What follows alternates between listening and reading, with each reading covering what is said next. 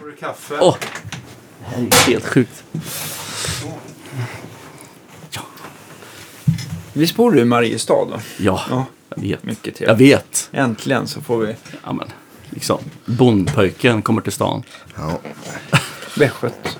Är det bara för... Nej men vi har ju haft gäster från Västergötland. Ja, nej, nog Det är jättekul. Jag hörde Niklas Strömstedt podd. Jag, jag var tvungen att... Jag träffade Stefan Brunzell, känner ni säkert. Ja, ja, visst. Ja, så sa han där, du, ska inte du vara med i det här Guitar Geeks? Det borde du vara. Ja. Jag har faktiskt pratat med honom, sa jag. Ja, för jag, jag, en kille som jag spelar med precis nyligen har gjort eh, ett program där, eh, Niklas Strömstedt. Då gick jag faktiskt direkt ut och lyssna på det. Ja. Jag träffade han i Nashville, Stefan. Vi fick en dag där ihop. Ja. Nördar på gatan där. Så pratade vi om Strömstedt och alla hans gitarrer. Ja, och så, så ja, hörde jag fin podcasten. Ja, det var häftigt faktiskt. Ja. Det är mitt kaffe. ja. Nu har vi hällt upp kaffe. ja, vi är redo. Ja, vi är redo.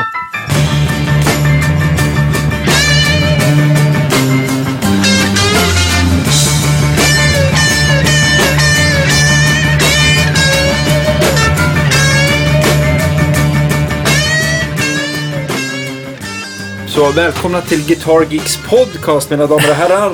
Ni har med er Andreas Mustaschen Rydman precis som vanligt och Ja. jag Daniel eh, Långfingret.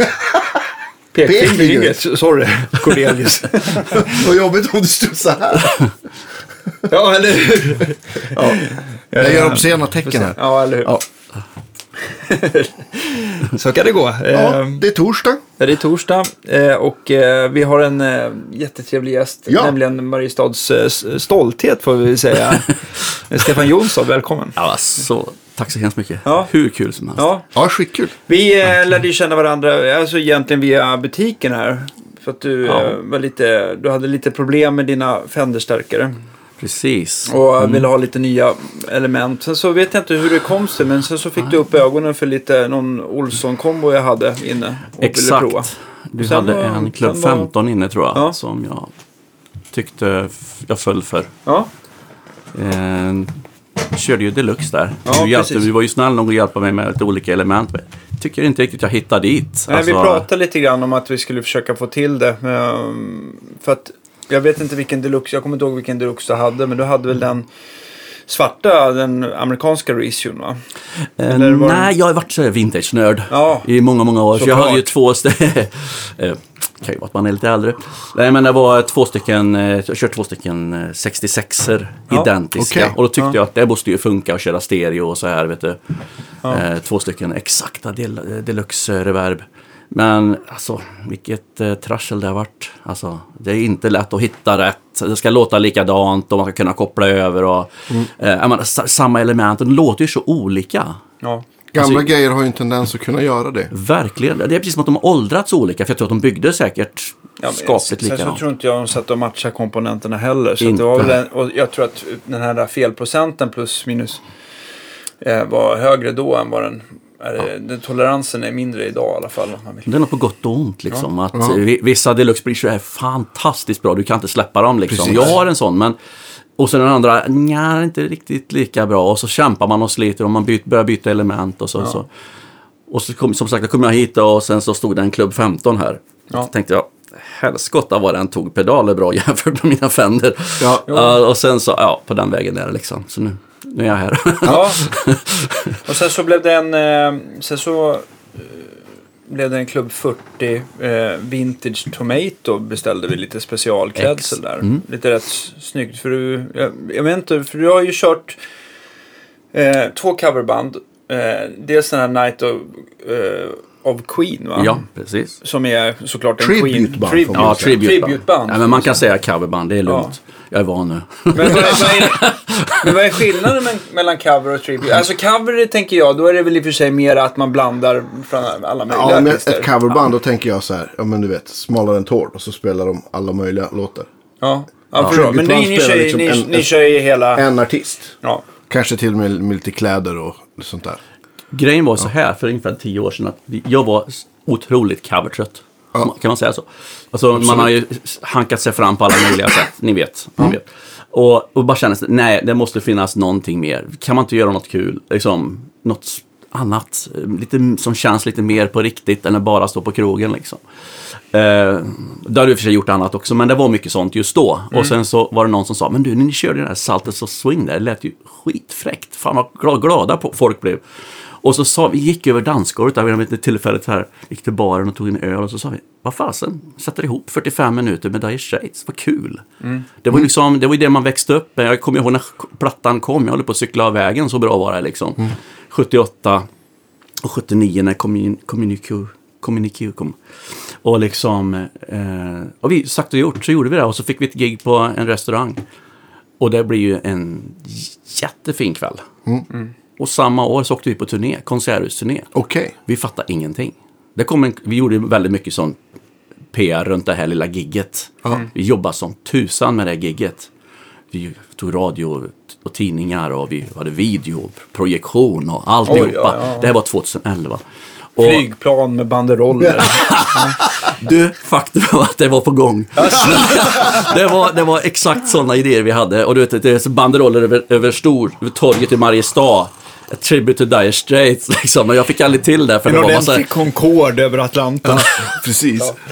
Ja, vi fick så lite hybris. Men det gick ju liksom, det blev sådär, i det lilla formatet blev det väldigt stort för oss. Ja. Och så kom det en bokare och så bara så här, han dunkade näven i bordet och sa så här, det här kör vi på. Och så, så satt en konserthusturné och så var vi ifrån coverträsket, får man säga så. Ja, så kom vi ifrån det och fick spela på konserthus och där är vi fortfarande. Tio år senare, nio, nio år senare. Ja, gud. Så hur kul som helst var det. Eh, Men, till så det andra. började liksom från att ni liksom sålde över till Dire Straits. Vad, vad kallar ni den konstellationen? Är det samma band som gör den här Night of Queen eller är det olika, helt olika folk? Det är lite Förutom- olika folk. Det är, den, a- d- trummisen i Tribute to Dire Straits. Ja. Han är med i, i Night of Queen. Okej. Och det var faktiskt han som fick över mig dit. För han är... Vi är västgötar bägge två och eh, producenten för Night of Queen är västgöte. Mm. Fast det är egentligen ett Karlstad-baserat Okej. eh, projekt med eh, en, vä- en väldigt, väldigt duktig sångare från Södertälje som heter Johan Boding, som ni säkert känner till. Mm, han är. Han är jätteduktig tycker jag. Och jag blev väldigt, väldigt glad att få spela med honom och med det här projektet. Det är ett väldigt, väldigt seriöst Queen-projekt. Det är väldigt eh, regisserat, producerat. Det är eh, genomarbetat verkligen. Och det är alltid kul att vara med på en sån produktion. Så eh, det har vi kört. Det började nästan samtidigt med 2012 tror jag jag hoppade på där. Så Det, det är väl liksom de två main-projekten som jag har jobbat med nu. Men Det känns som att det räcker eh, bra med... Jag har faktiskt sagt upp mig från mitt lärarjobb. Alltså det gjorde jag i våras. Jag, jag tyckte bara att det blev för mycket. Jag har alltid älskat att vara lärare två, tre dagar i veckan. Så jag, gitarrlärare i Skara på gymnasiet där. Jag verkligen trivs. Fantastiskt fina elever. Alltid var med en tår i ögat som jag klev av där faktiskt. Men jag kände bara, nej jag måste, jag måste göra detta fullt ut. Och efter den vårturnén vi hade med Tribute to Dire Straits så kände jag, nej jag kommer, inte, jag kommer inte orka köra båda. Nej. Så att eh, två tributband och en studio. Och Det är liksom ungefär vad man mäktar med faktiskt. Och det är det ungefär jag hamnat på nu. Ja, det är inte det att man har jobbat jämt men, Ja, men känna, klokt, är att, jag känner att fokus, fokuset ska ligga på det man tycker att man kan bäst. På något sätt. Ja, förstår. Ja, men man, ä- även om man liksom inte... eh, att det är eh, konditionsmässigt. Det kanske är lite konditionsmässigt också att stå på scen sådär. Men man blir ju ganska tom i, i skallen efter alltså en show sådär. Ja. Så det måste ju fan se till att man får pauser och vila upp sig. Men, och jag tycker Ibland. också det som kan vara nästan jobbigast. Det är då man ska liksom ladda om och byta fokus. Om man, som förra veckan hade jag liksom, jag gjorde fyra komplett olika grejer. Och det, det tar ju sjukt mycket energi bara att säga. Ja. Om man gör fyra gig med samma sak, då har man ju ändå, då vet man vad man ska göra. Men det här att ladda om och byta fokus. Och det, det har jag också känt och jag har undervisat förut.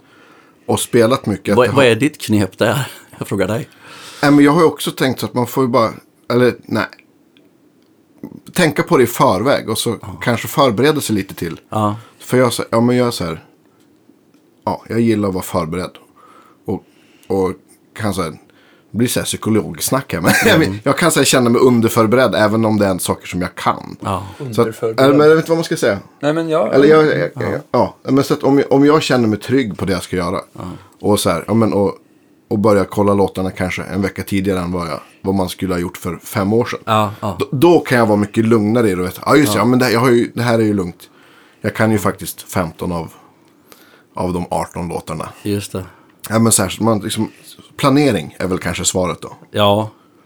Jag har faktiskt börjat att, att tänka liksom när man får en fråga om, man är under en turné och så får man fråga angående nästa. Man bara, förut sa man nästan, ja, ja, det ordnar sig, det tar vi då. Det, ja, jag, jag, jag kommer liksom. Jag har börjat tänka så här, liksom, orkar jag verkligen med? Eller omställningstid. Jag måste verkligen kunna hinna förbereda mig, annars gör jag inget bra jobb. Nej, precis. Man, börjar tänka på det mer och mer faktiskt. Att, att vara lite selektiv och försöka tänka kvalitet istället för kvantitet. Men, men jag tänker också, du som kör eh, både liksom Knopfler och eh, Brian May-stuket. Så här, har du varit mycket att du liksom tar ut mycket så här ton för ton eller har det varit ändå att du liksom försöker få deras sound och självklart liksom anda men att du ändå lägger lite dina egna linjer på något sätt? Man måste lägga egna linjer i det. Men det går inte att göra en copycat helt och hållet. Jag, jag försöker hitta andan av det. Ja. Men som sa, Brian May, han, han har ju så många klassiska solon. Som, jag, som för mig är skrivna. Alltså, Ja. Du kör inte show must go on och, och börjar jiddra i liksom inom bluespenta. Det funkar inte för mig. Nej, nej, nej. Jag älskar det solot som han spelade in 91. Mm. Jag älskar det solot. Jag har plankat det och det, jag njuter verkligen av att spela just Mm. det solot varje kväll. Det är faktiskt så att våran ljustekniker, så, alltså, så här, du, du kan ju bända lite mer. Alltså du vet så här va, alltså, Igge, alltså, han är ju sån här skön musiker också. Men han sa liksom, nej jag vill spela det solot som det ska vara. Ja. För det är det, och så är det det som folk eh, känner igen låten i och jag älskar att spela det. För det är ett så genialiskt solo. Ja, och så, det är Brian May har många sådana tycker jag. Ja, och då, verkligen. jag, jag bara nailat det. Så här, Ja. Don't stop me now, somebody eh, to love, du vet. Eh, Jag vill spela dem som det ska vara. Ja, Ja, men de känns ju som en del av kompositionen. absolut. Och- och och alla licks också. Andra versen på Show Must Go On. Det, man får inte fuska det. Nej. Nu, jag är ju jättestort eh, Queen-fan och har alltid gillat Queen sen farsan eh, visade för mig eh, för, för herrans massa år sedan. Och, även min son Ludvig, han, liksom, han, han vill ju höra eh, We Will Rock You varje dag. I bilen på repeat. Ja. Åh, vad härligt. Ja. Så att jag har hört det där. Så, men jag älskar Brian Mays gitarrspel också. Så där. Och de, jag kan tänka mig så här, Night of Queen, det måste ju vara liksom, det måste ju vara lätt på det sättet att det är, att det är så otroligt mycket bra låtar. Alltså få med sig publiken och det, det blir, det ju, gör man ett bra framträdande så kan det inte bli annat än succé tänker jag. Nej. Hur är det med Die Straits? Nu är inte jag lika... Jag vet ju att de har Sultans of Swing och Mm. Money for Nothing och de har ju massa stora hits också. Men det är väl inte riktigt samma mängd hits? Eller har jag fel? Nej, du har helt rätt. Alltså de släppte ju inte så många plattor. Nej. De fanns inte så länge egentligen. Nej. Om man tänker 78, sen la de, de gjorde den sista plattan 90, den sista turnén 92. Ja. eh, On Every Street där. Så det var liksom, sen var det ju finito liksom. Och, och Mark vill verkligen inte jobba med den och mer. Alltså han har kört, eh, vad är det, 11-12 soloskivor sedan dess. Som vi också plockar låtar från. Vi gör en hyllning okej. till Mark jag tänkte så här så att man liksom... Ja, våran trummis han är en fena på att hitta låtar. Hitta en jättebra låt från den sista, sista skivan som släpptes bara för en månad sedan. Som vi bara nailade direkt, den ska vi ha liksom. Så vi plockar från den nyaste också. Och Okej. gör en liten Mark-story av det hela liksom. Ja, kul. Men man, alltså, man kan inte undgå att spela Saltens förstås. Nej. Från, Nej, från nej. första skivan liksom. Det var ju egentligen en demo liksom som blev en sån riktig kioskvältare liksom. Jaha, det visste jag inte. Jo, det var, det var liksom, om du lyssnar på den så låter den inte lika likadant som de andra låtarna. Och Det var för att det var en eh, sån 1200 kronors eh, demo som de spelade in. Från en idé bara. Ja. Som blev en sån gigantisk hit. Ja, Och men, det låter, fortfarande ju, är bra. en... alltså, det låter ju inte billigt heller tycker jag. Alltså, det är en väldigt bra produktion för att vara... Lyssna Ja. på gitarrljudet på, Ja. på platta nummer två, Communique. Herrejösses vilket sound. Ja, vilket sound. Det är galet. Har Det- du, har, har du doktorerat lite i han, vad han körde för grejer på den tiden? Alltså jag har läst och det, det, det sjuka är alltså att man, man förknippar honom med en röd strata och en Fenderstärk. Det är väl nästan det han har kört minst. ja. Om man börjar titta på det. Ja. Han har kört, han har, han har kört sur, om man tar... Ja, jag tänker Pensa Sur Ja, lite. Pensa sur har han Ja. kört de sista, alltså, sista tio åren. Och han har kört... Eh, Les Paul har jag sett honom Les Paul kör han med Money for Nothing och på många, många konserter har han kört eh, Les Paul. Men han körde röd strata en, en tid, men och då kanske på Alchemy-plattan där. Då hade han ju någon, någon konstig röd, eh, Dakota Strata med en lönnhals. Som man inte ens visste vilket år den var ifrån. Liksom. Men så har han ju ägt den här Strata 60 med Rosewood-hals. Som har blivit hans liksom, ikoniska gitarr. Kan man säga så? Ja, det- eh, den och så hans eh, 38 eller 39. Eh, Dobro från 39. National, just det. National, precis. Så eh, det är väl de som är ikoniska. Men han har ju spelat på så mycket andra och så mycket stark. Han har kört Mesa, han har kört Ampeg. Han kör eh, Tone King heter väl han som han kör på nu. Reinhardt, topparna som inte finns längre tyvärr. Körde han på, har han kört på jättelänge. Så det, ja, det, det sitter i hans fingrar Ja, men helt precis. klart. Han verkar gilla prylar och, och jag har tänkt på det att de man har sett honom så han, han har, jag tror han har haft olika förstärkare varje gång jag har sett honom. Ja, ja, precis. Ja, ja, ja, ja. Nej, det är så. Och, eh, och väldigt mycket olika gitarrer. ja. Men han har fortfarande sin Pensa på Telegraph Road när han kör den. ja. Den här Pensa Mark 2 eller vad den heter. Som eh, man skulle gärna vilja ha men tyvärr. Den kostar väl en 80 papp eller något. ja. Typ. Ja, precis. Jag vet inte hur det är. Alltså, eh, Sir har väl, Pensa Sir som var, eh, alltså, jag antar att Pensa, det var väl han som ägde själva butiken. Vi har väl pratat här med någon gäst, jag kommer inte ihåg vilken nu. Men eh, alltså att Pensa var den här butik, lilla hålet i väggen på 48 gatan i, på Manhattan. Ja. Va? Något sånt. Och jag har för mig att Sir, var inte han anställd och satte ihop gitarrerna? Ja. Ja, Du får gärna men- berätta ja. mer för mig men det är Ja, ingenting tror- som jag, känner tror till det är, faktiskt. Det är någonting åt det hållet i alla fall. Men, men jag vet inte, går det att få tag i nya Pensa-gitarrer fortfarande? För det, jag känner som 48 gatan är väl i princip bortblåst. Jag vet inte om det finns några butiker kvar där. Nej, det är inte mycket alltså. Jag har inte varit där på Kanske 30 år. Jag var där på, ett- för ett år sedan och det är, det är inte så mycket i gitarraffärer. Nej. Alltså, det är lite som Götgatan. Det har blivit, Ja, ut. det har blivit tvålaffärer istället, höll jag på att säga. Ja. Två leveranser. På kaféer. Lush. Ja. Ja. Och kaféfåtöljen. Ja. Eller, ja. Ja, jag, jag såg någon dokumentär om Marks gitarrer och då besöker han ju Pensa förstås. ja, just det. Just Den är lite sköning där. Så jag tror att butiken finns kvar någonstans. Mm, jo, men det tror jag också. Men jag vet inte var. Och det, det är kostsamma historier. Det är väldigt dyra gitarrer. Jag skulle jättegärna vilja ha en, men Ja. ja, det blir ju det om det är handbyggt då. Och någon som har ett sånt namn såklart. ja. Men vad har du haft för approach för att liksom... För ni spelar ju, det täcker ju, det är ju, blir ju en väldig, det är ju liksom en 40-årig karriär ni ska, du, ska, tä- du ska täcka in ljudmässigt också. Med Mark där. Ja. Ja, just det. Oh, shit. Ångest. De är, Har vi, du har ett stort gitarrrackar. ja, men alltså det, det, det blir så mycket snack innan man träffar folk och så här, liksom, men vad har du för prylar då? Fender-förstärkare. Det är inte så märkvärdigt. En King of Tone, en Fender-förstärkare, ett Timeline Delay, som jag älskar. Ja. Ja, Förstås. Strymon, ja. Alltså herregud. Det är ju Ja, bara är så tacksamt att jobba med.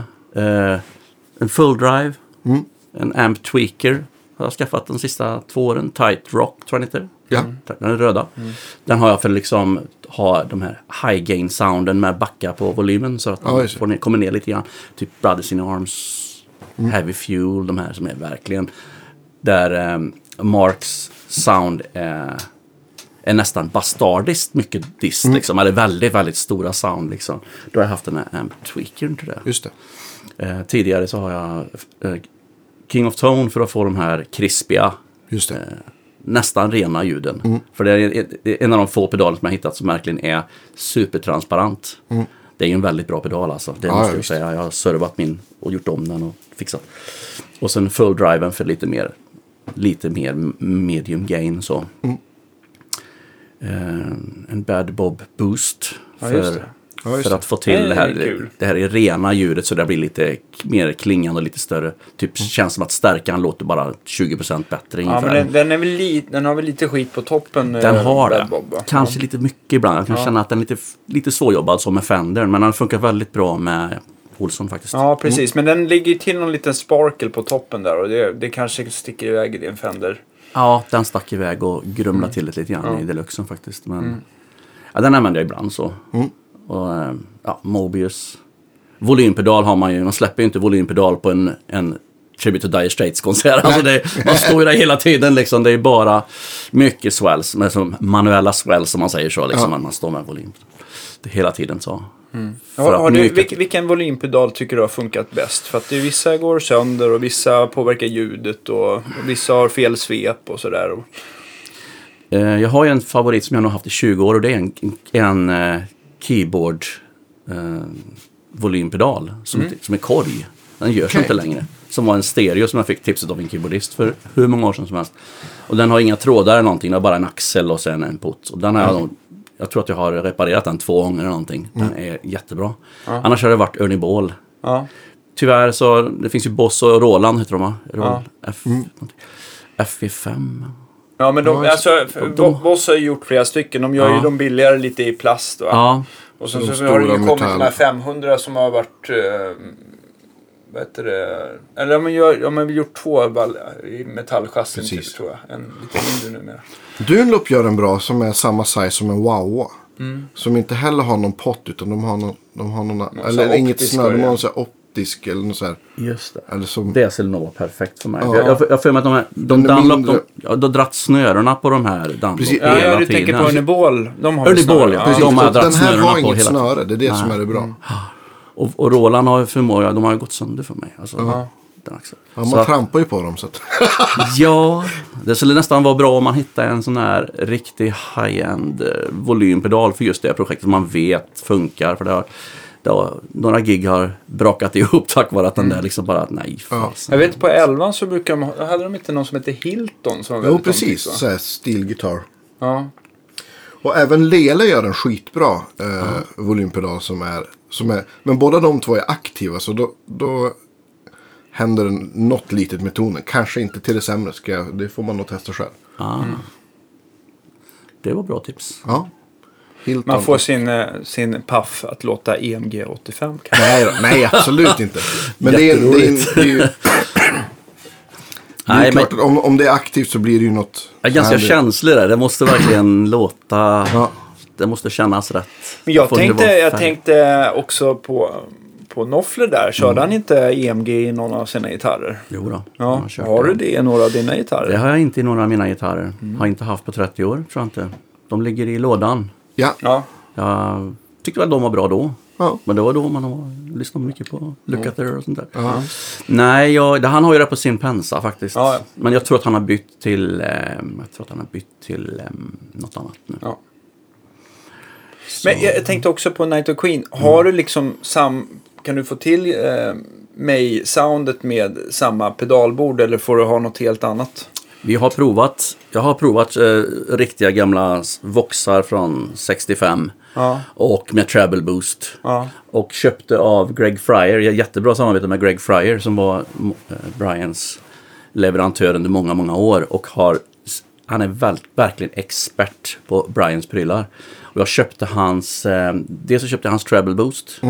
Men som, den har ju inga rattar överhuvudtaget. Nej. Det är bara ett batteriklipp så du kan byta batteri.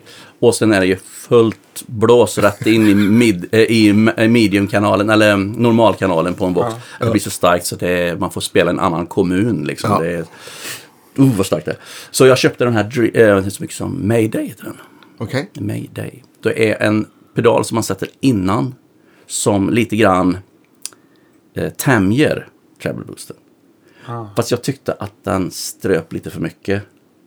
Där kunde du då ställa in och utvolym och ton. Och Okej. eh, det finns ett sånt där sweep-filter som de kallar för Deacon-filter. Typ, ish. Men jag tyckte att den ströp lite mycket så nu står jag faktiskt eh, och spelar Kemper. jag, jag samplar av min Vox. Eller Jakob Jonsén hjälpte mig att sampla av min Vox in i en Kemper. Så jag har min gamla, det låter ju identiskt måste jag säga. Men det är ju för att vi kör in er allihopa, det är Ja, en visst. in-ear-produktion. Ja. Det var inte så smidigt att ha två stycken AC30 stå och dåna under trumpodiet alltså. Det är inte Nej. så tacksamt. Precis, Och alla fick backslick i skottlinjen där eller? Ja, det, det var faktiskt så att körpodiet, de, de kände hur det skakade. För vi hade vi var ju två gitarrister, hade två voxar var. Att Det var ju så starkt så det var ju det var galenskap liksom. Och de kände hur det skakade i podiet när vi, när vi gasade.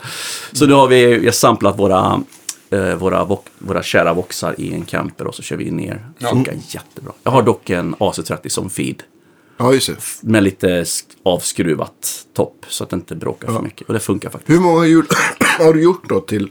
Jag har bara till två. Du har två? Ja, två.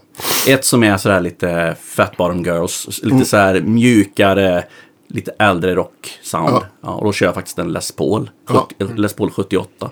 med eh, droppat. ju precis. på den. Och Ja, Prophet Song kör vi också. Eh, galna låten från Night at Opera-plattan. Kommer jag inte ihåg vilken. Det, en av de mer obstyra Queen-låtarna. Ja, okej. Vi har ju med några sådana. Ja, kul. Bara för att visa att eh, det går att spela dem. ja. Queen gjorde ju aldrig det live själva. Nej. Så vi har tagit, vi har tagit oss an ganska många sådana galna låtar. Eh, så, så det är liksom, och då är det, då har jag tagit en One Control-pedal I- till. Varför tror du att de valde bort det? Är det för att de var liksom begränsade av att de var fyra? Ni verkar vara en liten större, större um, gäng så att säga. Ja. Eller? Vi har ju sex man i kör med oss. Oj! Och det är lite speciellt. Ja. Så det är väldigt, det är nästan en körbaserad Queen-konsert. Ja. Vi har två gitarrister och Ja. Trummor, bas, keyboard. Jag tänker också så här med Brian May-grejen är ju Mm. rätt snyggt. Precis som du pratade med Jamie. Att det var liksom Ja. att vissa solon är så himla snygga med stäm.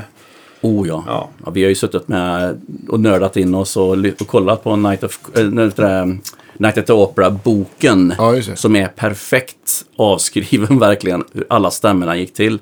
På de här galna låtarna liksom. De mer obstyra låtarna och det, vi har fått välja ut liksom. Vi spelar tvåstämmigt båda två. För att då Ja, få det. liksom de här harmonierna.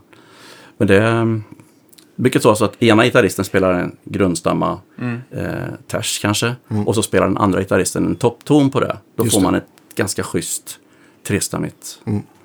Och så spelar även Johan Boding spelar lite gitarr på vissa låtar. Så vi, vi kör ganska mycket trestämmigt. Du höll på att säga något om en one control. Ja, jag körde det, eh, som pedaler där. Jag körde One Control Strawberry heter den. Någonting. Ja, just det. Strawberry Red. Den har jag valt att som... eh, Solo boost typ. eller? Nej, nej, nej. Är den lite har jag som komp, komp för Fat Bottom Girls och så här. Ah, ja. Ja, jag Sen så köpte jag lite så eh, lite hastigt och lustigt en Friedman Dirty Shirley. Just det. Den funkar skitbra. Det kan jag tänka mig. Den är riktigt bra. Alltså. Den, har jag, den låter, det är inte som en liten Marshall-ish Mm. kanske. Men den låter jättebra i, i, eh, i Vox-karaktären på förstärkaren. Jag har inte provat Dirty Shirley. Är den, är den lik den här B? I, Nej, den är B? mer classic rock. Okej, inte lika mycket gain. Den är mer 1974 än 78. Om det säger något. Nej, men alltså, alltså Ja, mer... vilken fantastisk... Det är ju natt och dag. Nej, men mer, mer AC/DC och mindre Van Halen.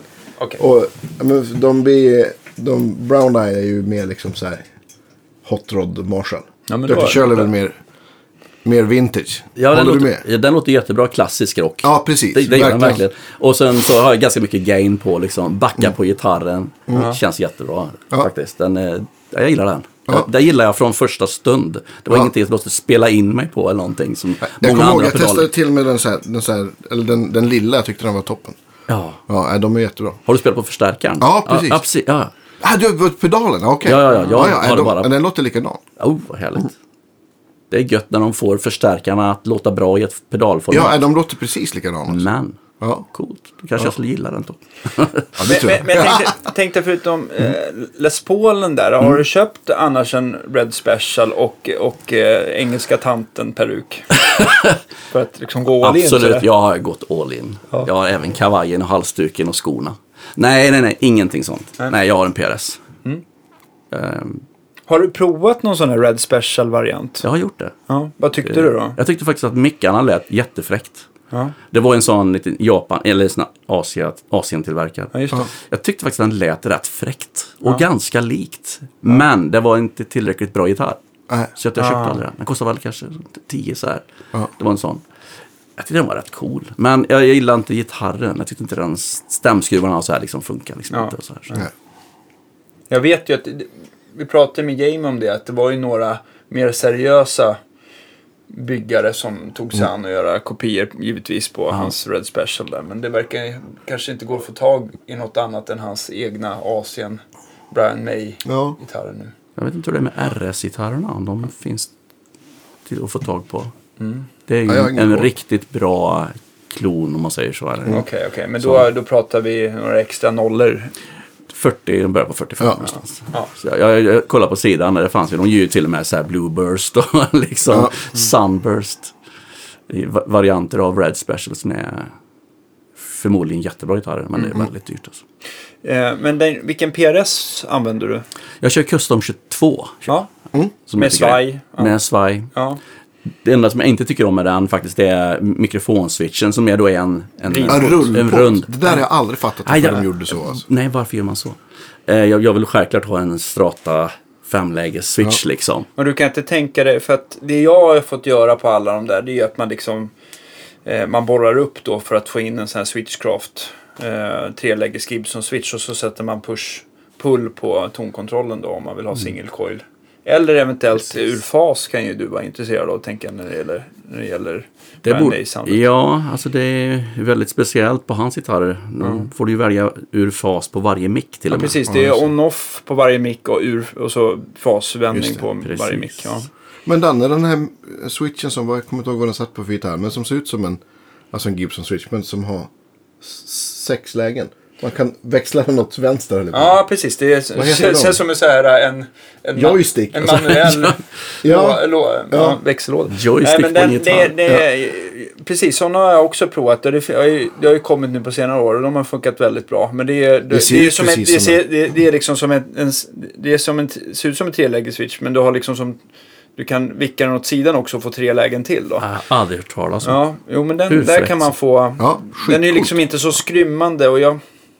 Den borde man väl kunna sätta istället för en pott utan att göra och- så himla mycket Ja, man får ju ingrepp, bara, oftast är ju den gängan lite bredare så att du måste Aha. eh, borra ut för det lite grann. Men det är ju inte hela världen. Men... Ja, det skulle kunna vara någonting. Ja, Men framförallt bara, bara få byta Eller den till brukar- en femläge skulle vara fantastiskt. ja. Jag tycker ska det brukar vara lite mer skonsamt att köra, ni vet sådana här brotchar som man som mer hyvlar upp istället för att man... Ja, just ja, men det är bara för att det är kanske lite mer kontrollerat. Men du, du, du hade...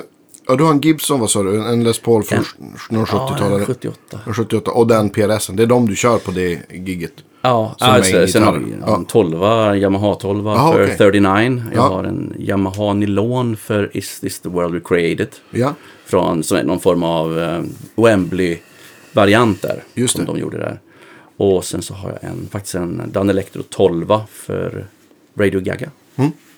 Ja, då är det ganska mycket. Det är väl det. Så Kofot har fullt upp. Ja. Och så har du... du ena ljudet, du har gjort två ljud. Du har ett ljud som var mer eh, Fat Bottom Girls. Och det andra, är, det de, är det mer ett lead-ljud? Eller? Det är ett lead-ljud som jag Ja. sköter helt med volymknappar och delayer och chorus och du vet, Ja. så liksom, så jag styr det ljudet så. Så det Som inte han lirade liksom. Mycket med volymkontroll. Ja, han Eller gjorde det. lirar, Backa liksom för att kunna få det här krispet på till exempel Under Pressure och där. Man liksom Ja, backar volymen och... Så det jag jobbar med det hela tiden. Och så tapp, tappa delayet hela tiden. Ja. Det är liksom... Det är så jag valt att jobba där. Och Men använder du, kör du ut liksom time, alltså send och return i din camper till timelinen just för, för de delayerna eller har du den inbyggda effekten i, camper? Nej, jag kör timeline innan. Så jag har som... Jag använder camper men jag har pedalbordet Ah, Jag innan. förstår. Ja, jag förstår. Men då, och det är egentligen samma pedalbord förutom att du adderar en Dirty Shirley då, eller? Ja, ja, det är mitt, mitt egna pedalbord. Så Ja, men jag, har tänkte inte- på jämfört med det du, pedalbordet du använder för Die Straits-grejerna. Ah, nej, det är två helt olika ja, bord. precis. Det jag ville, Två helt olika bord. det jag ville komma till. Ja, det är två helt separata. Ja. Jag Då tar vi, tar vi Queen-bordet från Input. Stämapparat, eller? TC Electronic. Ja. Ja, en mini. Ja. Eh, sen har vi, oj, nu är det här ju Sound of Silence som satte ihop det här. Så, och så tänker jag nu, vi har en Prince of Tone Ja. och vi har en, en, en SP Boost, Exotic heter den va? Ja, just just. Men de har eh, SP-kompressor och EP-boost. Så någon har- EP-boost, ja, EP-boost. EP. Bättre det. Men jag tänkte på eh, Prince of Tone. Mm. För det är väl liksom en liten så här avskalad King of Tone va? Ja. En halv kan man väl säga. Ja, man tar bort, bo- man tar bort Knappt halv faktiskt. Man får, Knappt? det, Jaha, okej. knappt halv faktiskt. Men Ja, går det okej. att ratta in samma sound på den som King of Tone? Sorry. Nej. Nej, det är okej. det, faktiskt det första jag eh, skulle vilja byta ut faktiskt. Så jag sätter den där för att jag faktiskt inte hade något annat just då.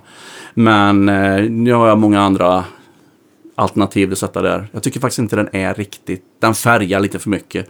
King of Tone är ex, exceptionellt klar och fin, transparent i ljudet. Det är att den är nästan omöjlig att få tag på. Och så tänkte jag att Prince Tone eh, funkar säkert, men nej. Den färgar och jag tycker inte den, den här lilla switchen är väldigt eh, trevlig där med boost, eh, overdrive och dis- distortion. Och jag tycker att det låter bara okej. Okej. Så den, den, där sätter jag gärna någon kanske något clone-liknande kanske. Någon där som är lite mer öppet och snyggt då. Så, Ja. Jag använder den bara som en sån krisp. Just det. Så. Och sen så kommer vi till eh, Re- Red, eh, Red, Strawberry Red. Och sen har vi Dirty Shirley. Dirty Shirley. Sen har vi Mobius. Och sen har vi Timeline. Ja. Och sen har jag faktiskt ett, eh, heter det, reverb som jag inte kan uttala. Neubauer kanske? Ni som är experter Nu- på det. New... New Neighbor har jag hört folk... Eller Nuneber har jag också hört. Nuneber. Det låter väl. Nuneber Ja. skulle nog Ja, jag säga. Ja. Jag brukar bara säga så här, den, den där vad den nu heter, den använder jag inte så mycket. Immerse, ja, Ja. exakt. Fantastiskt reverb. det. Är det, det... är väl egentligen en spin-off eller en utveckling av Wet? Ja, Ja. exakt. Den är, Den har fler algoritmer. Liksom. den är så bra. Den är så bra. Men bra. inte just till... Det är inga så här direkt shimmer sound i Night of Queen. Och de lägger ju alltid på. Reverb brukar man lägga på i PA. Så liksom eh, sköter front of house. Han vill lägga på ett rum där ute istället. Ja. Så det är inte så smidigt för mig att jobba med det. Har du varit, eh, har du varit väldigt nöjd med liksom att... För jag tänker på just att det här går med in-ears och sånt där. Mm. Har du, tycker att du har fått till det så att du trivs? Eller har det varit, en kämp, har det varit kämpigt? De tidigare åren var faktiskt väldigt kämpiga för att vi tyckte aldrig vi fick till eh, de här voxarna att låta som i närheten, tyckte inte jag, som Brian May. Det är skitsvårt. Svårt uppdrag faktiskt. Så vi valde väl att hitta någonting som bara funkar så att man känner att ensemblen mår bra. Om ni förstår. Alltså, ja, men visst. det är ju så man får jobba nästan snarare än att bli en fullständig copycat. Det går nästan inte. Jag har hört lite varianter på nätet som man skulle vilja testa sådär med Greg Fryers nya pedaler. Han har ju så här, inte treble boost på det sättet utan det är mer som pedaler som du sätter i pedalbordet. Ja, det. Det ska jag vilja testa någon gång och kanske testa min gamla Vox 64 och se om hur, hur nära man kan komma. Men just nu känns det väldigt bra att ha ett normalt pedalbord och en gitarr som man kan göra väldigt mycket med. PRSen är ju väldigt allround. Det är Visst, väldigt, väldigt bra verkligen. gitarr. Du har väl den också? Det, är en, det är en väldigt, väldigt allround gitarr och den är väldigt behaglig att jobba med. Visst. Så att någonstans där har man hamnat liksom för att det ska funka att jobba med dagligen då. Har du be- behållit eh, både PRS och Gibson Les Paulen eh, så original? Med mick, eller har du bytt mickar och... Nej, det är faktiskt... Jag tror att den förra ägaren bytte mickar på PRSen. Okej, för Jag det ska väl det är- sitta Dragon 2 i dem vanligtvis har jag för mig. Det gör det inte. Nej. Jag tror att det sitter någon Santana-variant. Aha, utan Eh, kåpa. PRS Santana hade någon signaturmick där. Ja. Den sitter på. Låter Ja. jättebra, tycker jag. Och det är även eh, Gibson-micken också. Det, det är också något annat. Jag ser att originalmickarna ligger i casen. Jag vet faktiskt inte vad det är som sitter på. Nej. Men den låter lite rockigare. Så, Mm. så det, det är de två gitarrerna som jag använder basic för, för de giggen liksom. Ja, för Dire Straits, vilka släpar du på där? Där släpper jag på National förstås. Ja. Ja, eh, till eh, Romeo och Juliet och Telegraph Road så måste man ju ha med sig en National. Så jag har En, gam, en. gammal? Nej, jag köpte en eh, Replicon, en, en ny som ser ut som en gammal. Var det, var det den med en kon eller tre? Eh, Style O heter den. Måste väl vara en kon då? Det är, ja, det är en kon. Ja, det är en en. kon. Ja, det, är en, det ser ut som den klassiska från Single 38 kon, liksom. verkligen. man väl kanske. Ja. Och så, så hade jag lite, lite krångel med lite olika mickar. Så till slut så satte jag på en, eh, tror den heter Highland va? Highland IP. För det där har folk frågat mig om lite grann. Jag måste säga att jag är rätt dåligt på att läsa. Jag vet att Fishman gör någon variant Ja, där. det, alltså förstärkare sonatergitarrer är ju assvårt. Det, Men ja, jag måste nog säga att den funkar bra. Det är faktiskt den som Mark satte i sin gamla 30, Ja, just det. 30-talare Och det, och det är en sån rätt platt, tunn mick, alltså, som inte bygger så mycket på höjden. Så man kan få, man monterar den eh, precis vid greppbrädan kan jag tänka mig. Eller? Ja, den har jag också, men det är inte den. Utan eh, Highland-picken är en sån som du, du byter ut själva pucken som är under stallet. Du byter ut hela den. Och eh, om du vänder på den pucken innan du monterar den så sitter det en, en magnetslinga runt den. Okej. Som, ja, när du monterar den så får den någon bra kontakt. Så det är liksom inte som en piezo heller? Eller? Jag vet inte riktigt. jag vet inte heller. Det, här, Ja, det, det, det, ser ut som en magnetslinga. Den är ganska stor den, den, den, den slingan. Den tråden är ganska rejäl. Mhm. Som sitter i den, infräst i den pucken på Ja, undersidan. just det. Och sen så är den helt ointonerad när du får den. Det är bara som en träbit så, som strängarna ska ligga på. Och sen så är det ett ganska avancerat eh, injack där själva preampen sitter. Och så har du strömförsörjning på pedalbordet. Just det. Så funkar den. Men Alltså, jag, jag preampen väldigt nöjd med ljudet på- ska jag säga. På, på bordet. Vad sa du? Så preampen är liksom extern från... Eh, själva strömmen. Ja. strömmen. Men pre, det, det sitter ju någonting i gitarren också Ja, som är Ja, själva förstått. mic Just det. Var, preamp. var, hittar, hittar man de där mickarna någonstans? Det finns en leverantör i Sverige. Jag kommer faktiskt inte ihåg vad den heter just nu. Säg vad den hette igen. Ha- Jag tror det heter Highland. Highland, jag skulle ja. kunna googla. Men, Ja, men det, det är. Ja. Vi återkommer om det. För Ja. att jag tror att det är väldigt många som har problem med just uh, Reso-gitarrer. Mm. Och den, den micken är verkligen bra. Den är dyr. Och jag fick eh, hjälp med att sätta in den. För det är ingenting man kanske bara slänger in själv heller. Ja, jag vet inte ens. Ja. Det går säkert. Jag har aldrig provat att Det var, installera det en var så länge sedan jag köpte den. Så att, och jag skulle vilja, jag skulle vilja sätta den även i min eh, vad heter det? Squareneck. eh, Mm. Ja, men För den låter för jäkligt dåligt alltså. Jag måste hitta någonting nytt. Ja, alltså men- Square Neck Dobro, då, då blir det ju, det kan, de har ju ingen sån puck. Nej, det har jag inte. Nej. Så det blir så, för det har jag också haft. Där har jag haft lite, massa olika. Och till slut landat på någon sån här Jerry Douglas, Ja, Fishman. Är det, funkar det okej? Ja, det funkar bra live tycker jag. Men då är det är mer en sån eh, mick man sätter precis vid greppbrädekanten eller? N- nej, det är en piezo mic. En piezo. Eller, eller det, det är en piezo mic, en speciell Fishman mic. Sen är det ju någon sån här Aura preamp, Jerry Douglas. Okej. Grejen, så att det är ju en annan. Det är kanske något sånt man annan. kan leta efter. De här, de här magnetmickarna har ni aldrig fått till? Någon av Nej, dem? Det, det låter ju elgitarr. En, Ja, knappt. Det Ja. låter väldigt kon- det är odefinierat på något sätt. Det låter väldigt bomligt liksom. ja. Så jag, jag är inte alls för Den är ganska dyr också. Jag köpte den. Pengar i sjön? Ja, lite så. Jag köpte den. Jag har två jack på min eh, Reso. Och min front of house som är då min son. Han bara så här. Farsan, nu har du fel jack. Och så jäklar, för det, lät, det låter liksom ingenting. Liksom den här frontmicken är på. Om man försöker spela Ja. liksom Ro- Romeo och Juliet. Det bara så här. Bom, bom, bom. Det låter jättedåligt. Och så får man byta jack och så låter det ganska okej. Ja, men jag, jag lånade någon gång eh, Micke Berg, en kollegas Square Neck Dobro. Och han hade liksom magnetmick och piezomick. Och han, jag tror att han satte mi- magnetmicken bara för att, för att kunna För att lyckas, nej, men för att lyckas höra sig själv. För att det är så, de är också så rundgångskänsliga Square Neck Dobros. Så, det, ja, så att jag, jag tycker att den Jerry Douglasen är det som har funkat Ja, bäst. det, Liksom. var, det var bra tips. Ja, det är dagens tips. Men för, för, för att byta ut den pucken så är det är nog det bästa, tror jag. till den. Jag har faktiskt trivts ganska bra med det. Ja. Måste jag säga. Jag, det, det, är ju, det är viktigt att den funkar med fingerspel. Liksom. För det är ju hela tiden fingerspel och det är väldigt dynamiskt. Så det måste ju vara ganska artikulerande och tydligt för att det ska Mm. bli någonting av den. Liksom. Så jag har lärt, lärt Men mig då ni jobba kör med den. Dire Straits-grejen, är det, är det stärk eller camper då? Nej, då, det är det starkt. Då är det starkt, Det har ja. blivit en Olsson Club 40. Ja. De sista, det måste hela, hela vårturnén. köpte den här som vi pratade om det, förut. ja. Den med. Och den, den funkar kanon. Och det, det är alltid så roligt när Front of House, det är de som bestämmer i sista Ja. handen. Nej, men det är när de kommer fram och säger sälj aldrig den här förstärkaren. Ja. Det är det så gött när de säger så bra. Vet man så här, ah, du låter det bra i PA. Visst. För det är ju faktiskt en, en sak vad du tycker låter bra på scenen. Mm. Du kan ju ha världens häftigaste ljud och så, så när han har fått skruva till där, där man basar och trummor och alltihopa så säger farsan, det låter inget bra, säger Nej. min son. Ja. så då ringde jag Danne. Ja, Ja. precis. Det är så man gör. Så, och jag har varit otroligt nöjd med Club 40 måste jag Ja, det säga. är Ja, men det är, alltså, nu har, det Ja. väl, nu har det ju sålts av alla modeller. Men den Ja. har ju varit, den har ju varit eh, klart populärast av eh, Johns kombos i alla Ja. fall. Så jag förstår, Jag förstår det, för den, den är liksom tar pedaler jättebra och den har det här ändå headroomet. Så det finns en, en topp som är tillräcklig och liksom väldigt behaglig. Men inte störande någonstans. Och inte störande med pedaler heller. Så det, Kör, men är det en tolva du har? Då har jag en. För jag köpte Ja. en extra kabinett gjorde jag. Ja. Med en, det får du hjälpa mig, vad är det för högtalare i den? Alexandro? Alessandro, ja precis Alessandro. från Aha, okej. ja, det Eminence-varianten. så Så den var ju lite fändigare.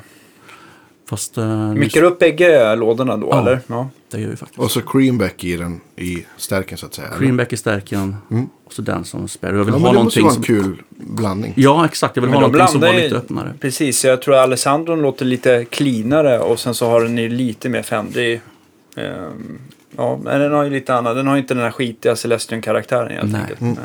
Det var väl lite grann för att inte släppa, jag kan inte släppa deluxe-sprillet helt. Nej. Så att jag ville ha lite av båda där. Och jag, menar, men, vi använder faktiskt två mickar på varje. Och panorerar galenskap liksom. Och det Ja. låter jättebra tycker Front of House. Så Ja. vi får lita på det. Grymt. Vad blir det för gitarrer som åker med annars då, förutom din Dobro? det Eller Dobro, din Action. då? Jag har ju alltid varit eh, en Erik Jonsson signaturkille. Just det. Det har jag kört mig i sedan 2007 som basic. Men nu Det var bör- typ då de kom va?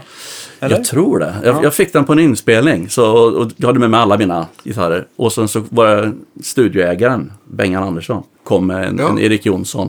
Och bara så här, testa den här. Ja men herregud. Sen satt jag och spelade in hela skivan med den. Och 50 skivor sedan dess. Alltså den är så bra. Och jag har faktiskt två exakt likadana. Okej. För, att, för att verk- verkligen veta att jag alltid har med mig en. Ja. Men nu det sista året så har det blivit Sonnemo faktiskt. Jag, Ja, kul. jag ska bli, faktiskt bli Sonnemo-artist. Ja. Så jag väntar nu på en röd Sonnemo som ska åka med på nästa turné. Kul. Ja. Så jag, Nästa han är ju så upptagen nu för tiden, så Ja, han är det. Mattias. Så att, Ja. Och det får vi inte stressa han, utan det är lugnt. Ja. Det är lugnt. Men, Men, jag väntar med när- spänning. Det känns Ja. bra med lite närproducerat i alla fall. Ja, absolut. Och träffade, jag träffade han på fastmässan Mm. och då sa jag att vi ska ut på en jättesväng. Ska vi samarbeta? Och han bara ja. Ja. Och så kom han och lyssnade på oss i Umeå och då sa vi ja. Ja, kul. Det var, han är så himla trevlig. Ja, det Så att det blir jättebra. Och fantastisk gitarrbyggare också, Ja, jag. verkligen. Jag skaffade en, eh, till min studio så skaffade jag en tremickars tele. En sån Nashville-variant. Just det. Och det är det enda jag har använt sedan dess. Sorry Fender, men de ligger på hyllan alltså. Ja. Så att det är en sån riktig favorit. Och det är hans egna mickar, vilket är extra kul. Ja. Där, där, nailar han ju 100% liksom. Ja. Med den mitten strata micken där som Just framläggs. Det. är- det är jättehärligt. Så vi har utvecklat en strata som där två single coils kan gå över in, i en humbucker. Aha. Så jag vill ha ett läge där det blir så där fett så att man kan köra typ som eh, Heavy Fuel och de här lite tuffare Dire Och du, och, Straits-låtarna. och du har det på, på mix-switchen att du kan välja ett sånt läge eller? Ja, vi, håller, ja, vi ska utveckla det. Han har, har börjat eller ska börja precis nu och bygga den här gitarren. Ja, för det går att göra om man köper, det finns ju så här multi, eh, superswitch brukar det kallas, som kostar typ en, vad kan det vara?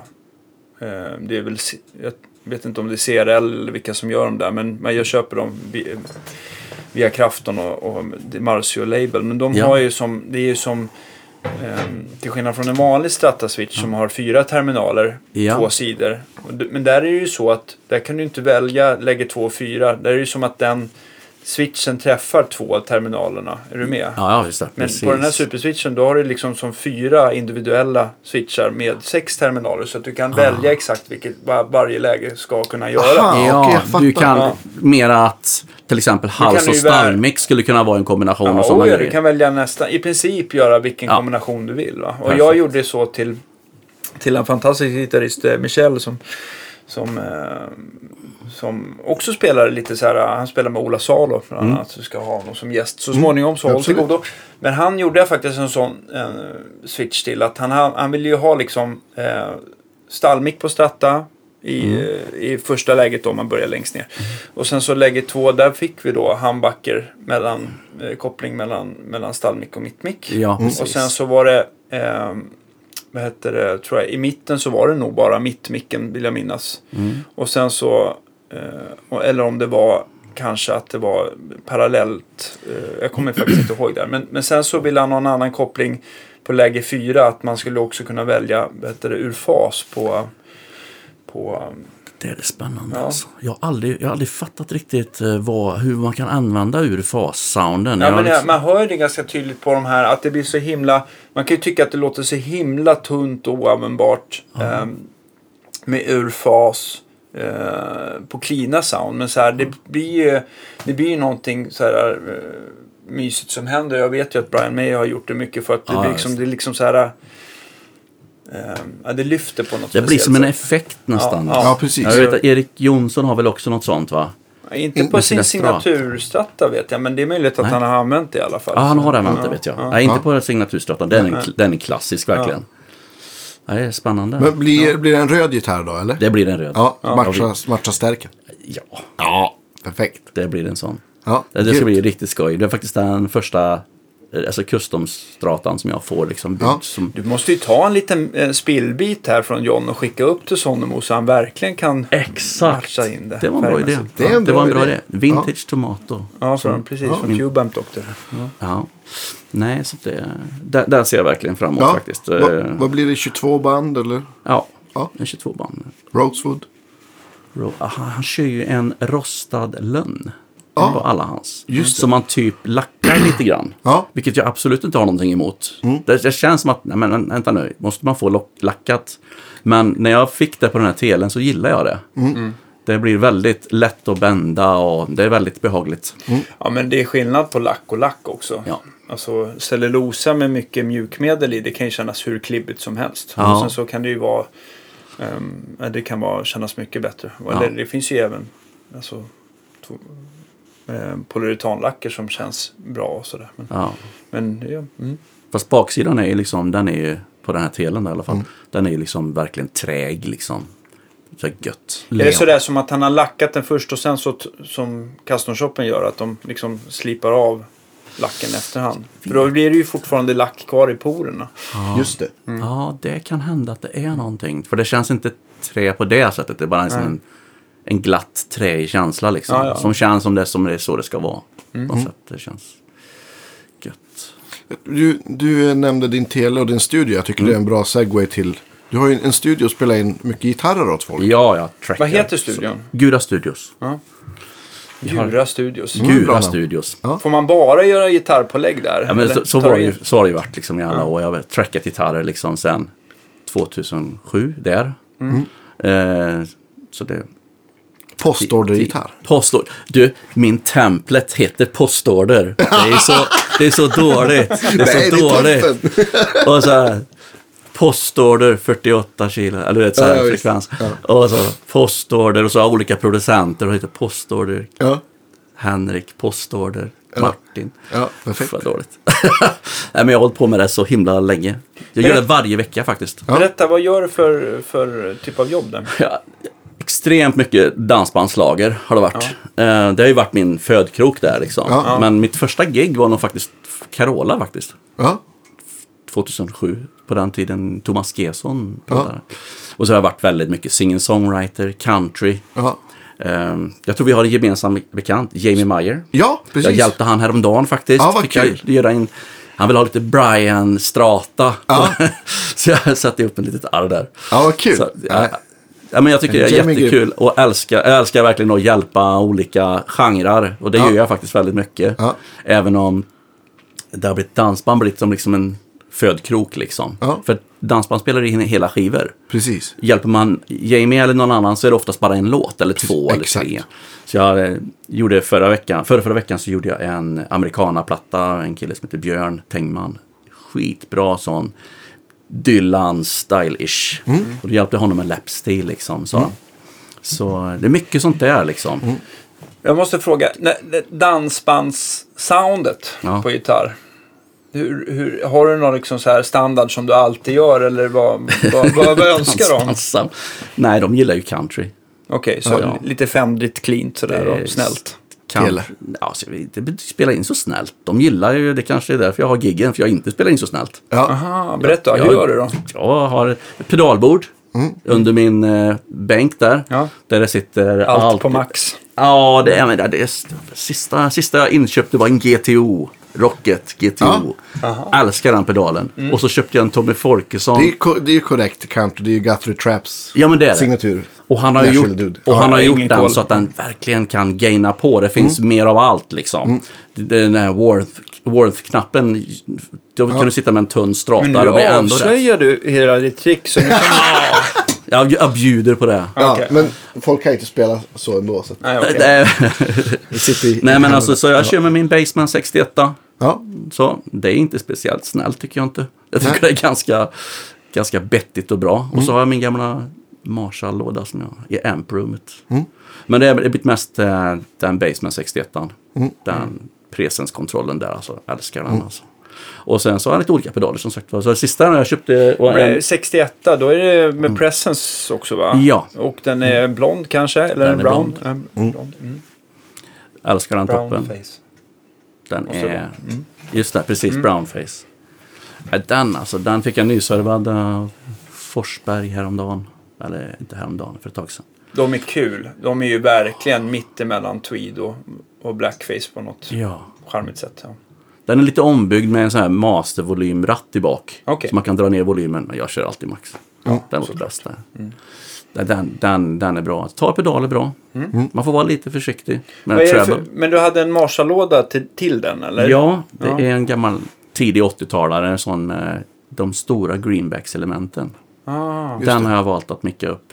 Och den funkar faktiskt jättebra till, till um, Basemanen. Jag har för sig inte gjort någon sån superstor A och B-test. Men jag gillar den med en gång och vill Ja. liksom sätta in perfekta vinklar. Alltså just det här äh, om det är någonting som funkar väldigt bra. Att man liksom inte måste ändå stå och AB-testa. Och te- utan man bara kör det här. Ja, det låter precis som jag har tänkt liksom. Det är ett, ett koncept som, som funkar. Faktum är att man hinner inte, när man får ett jobb, man hinner inte sitta och nörda en hel dag. det är helt kört. Det, det går inte. Alltså det som är viktigt då det är att, att snabbt få fram ett arrangemang som kunden är nöjd med.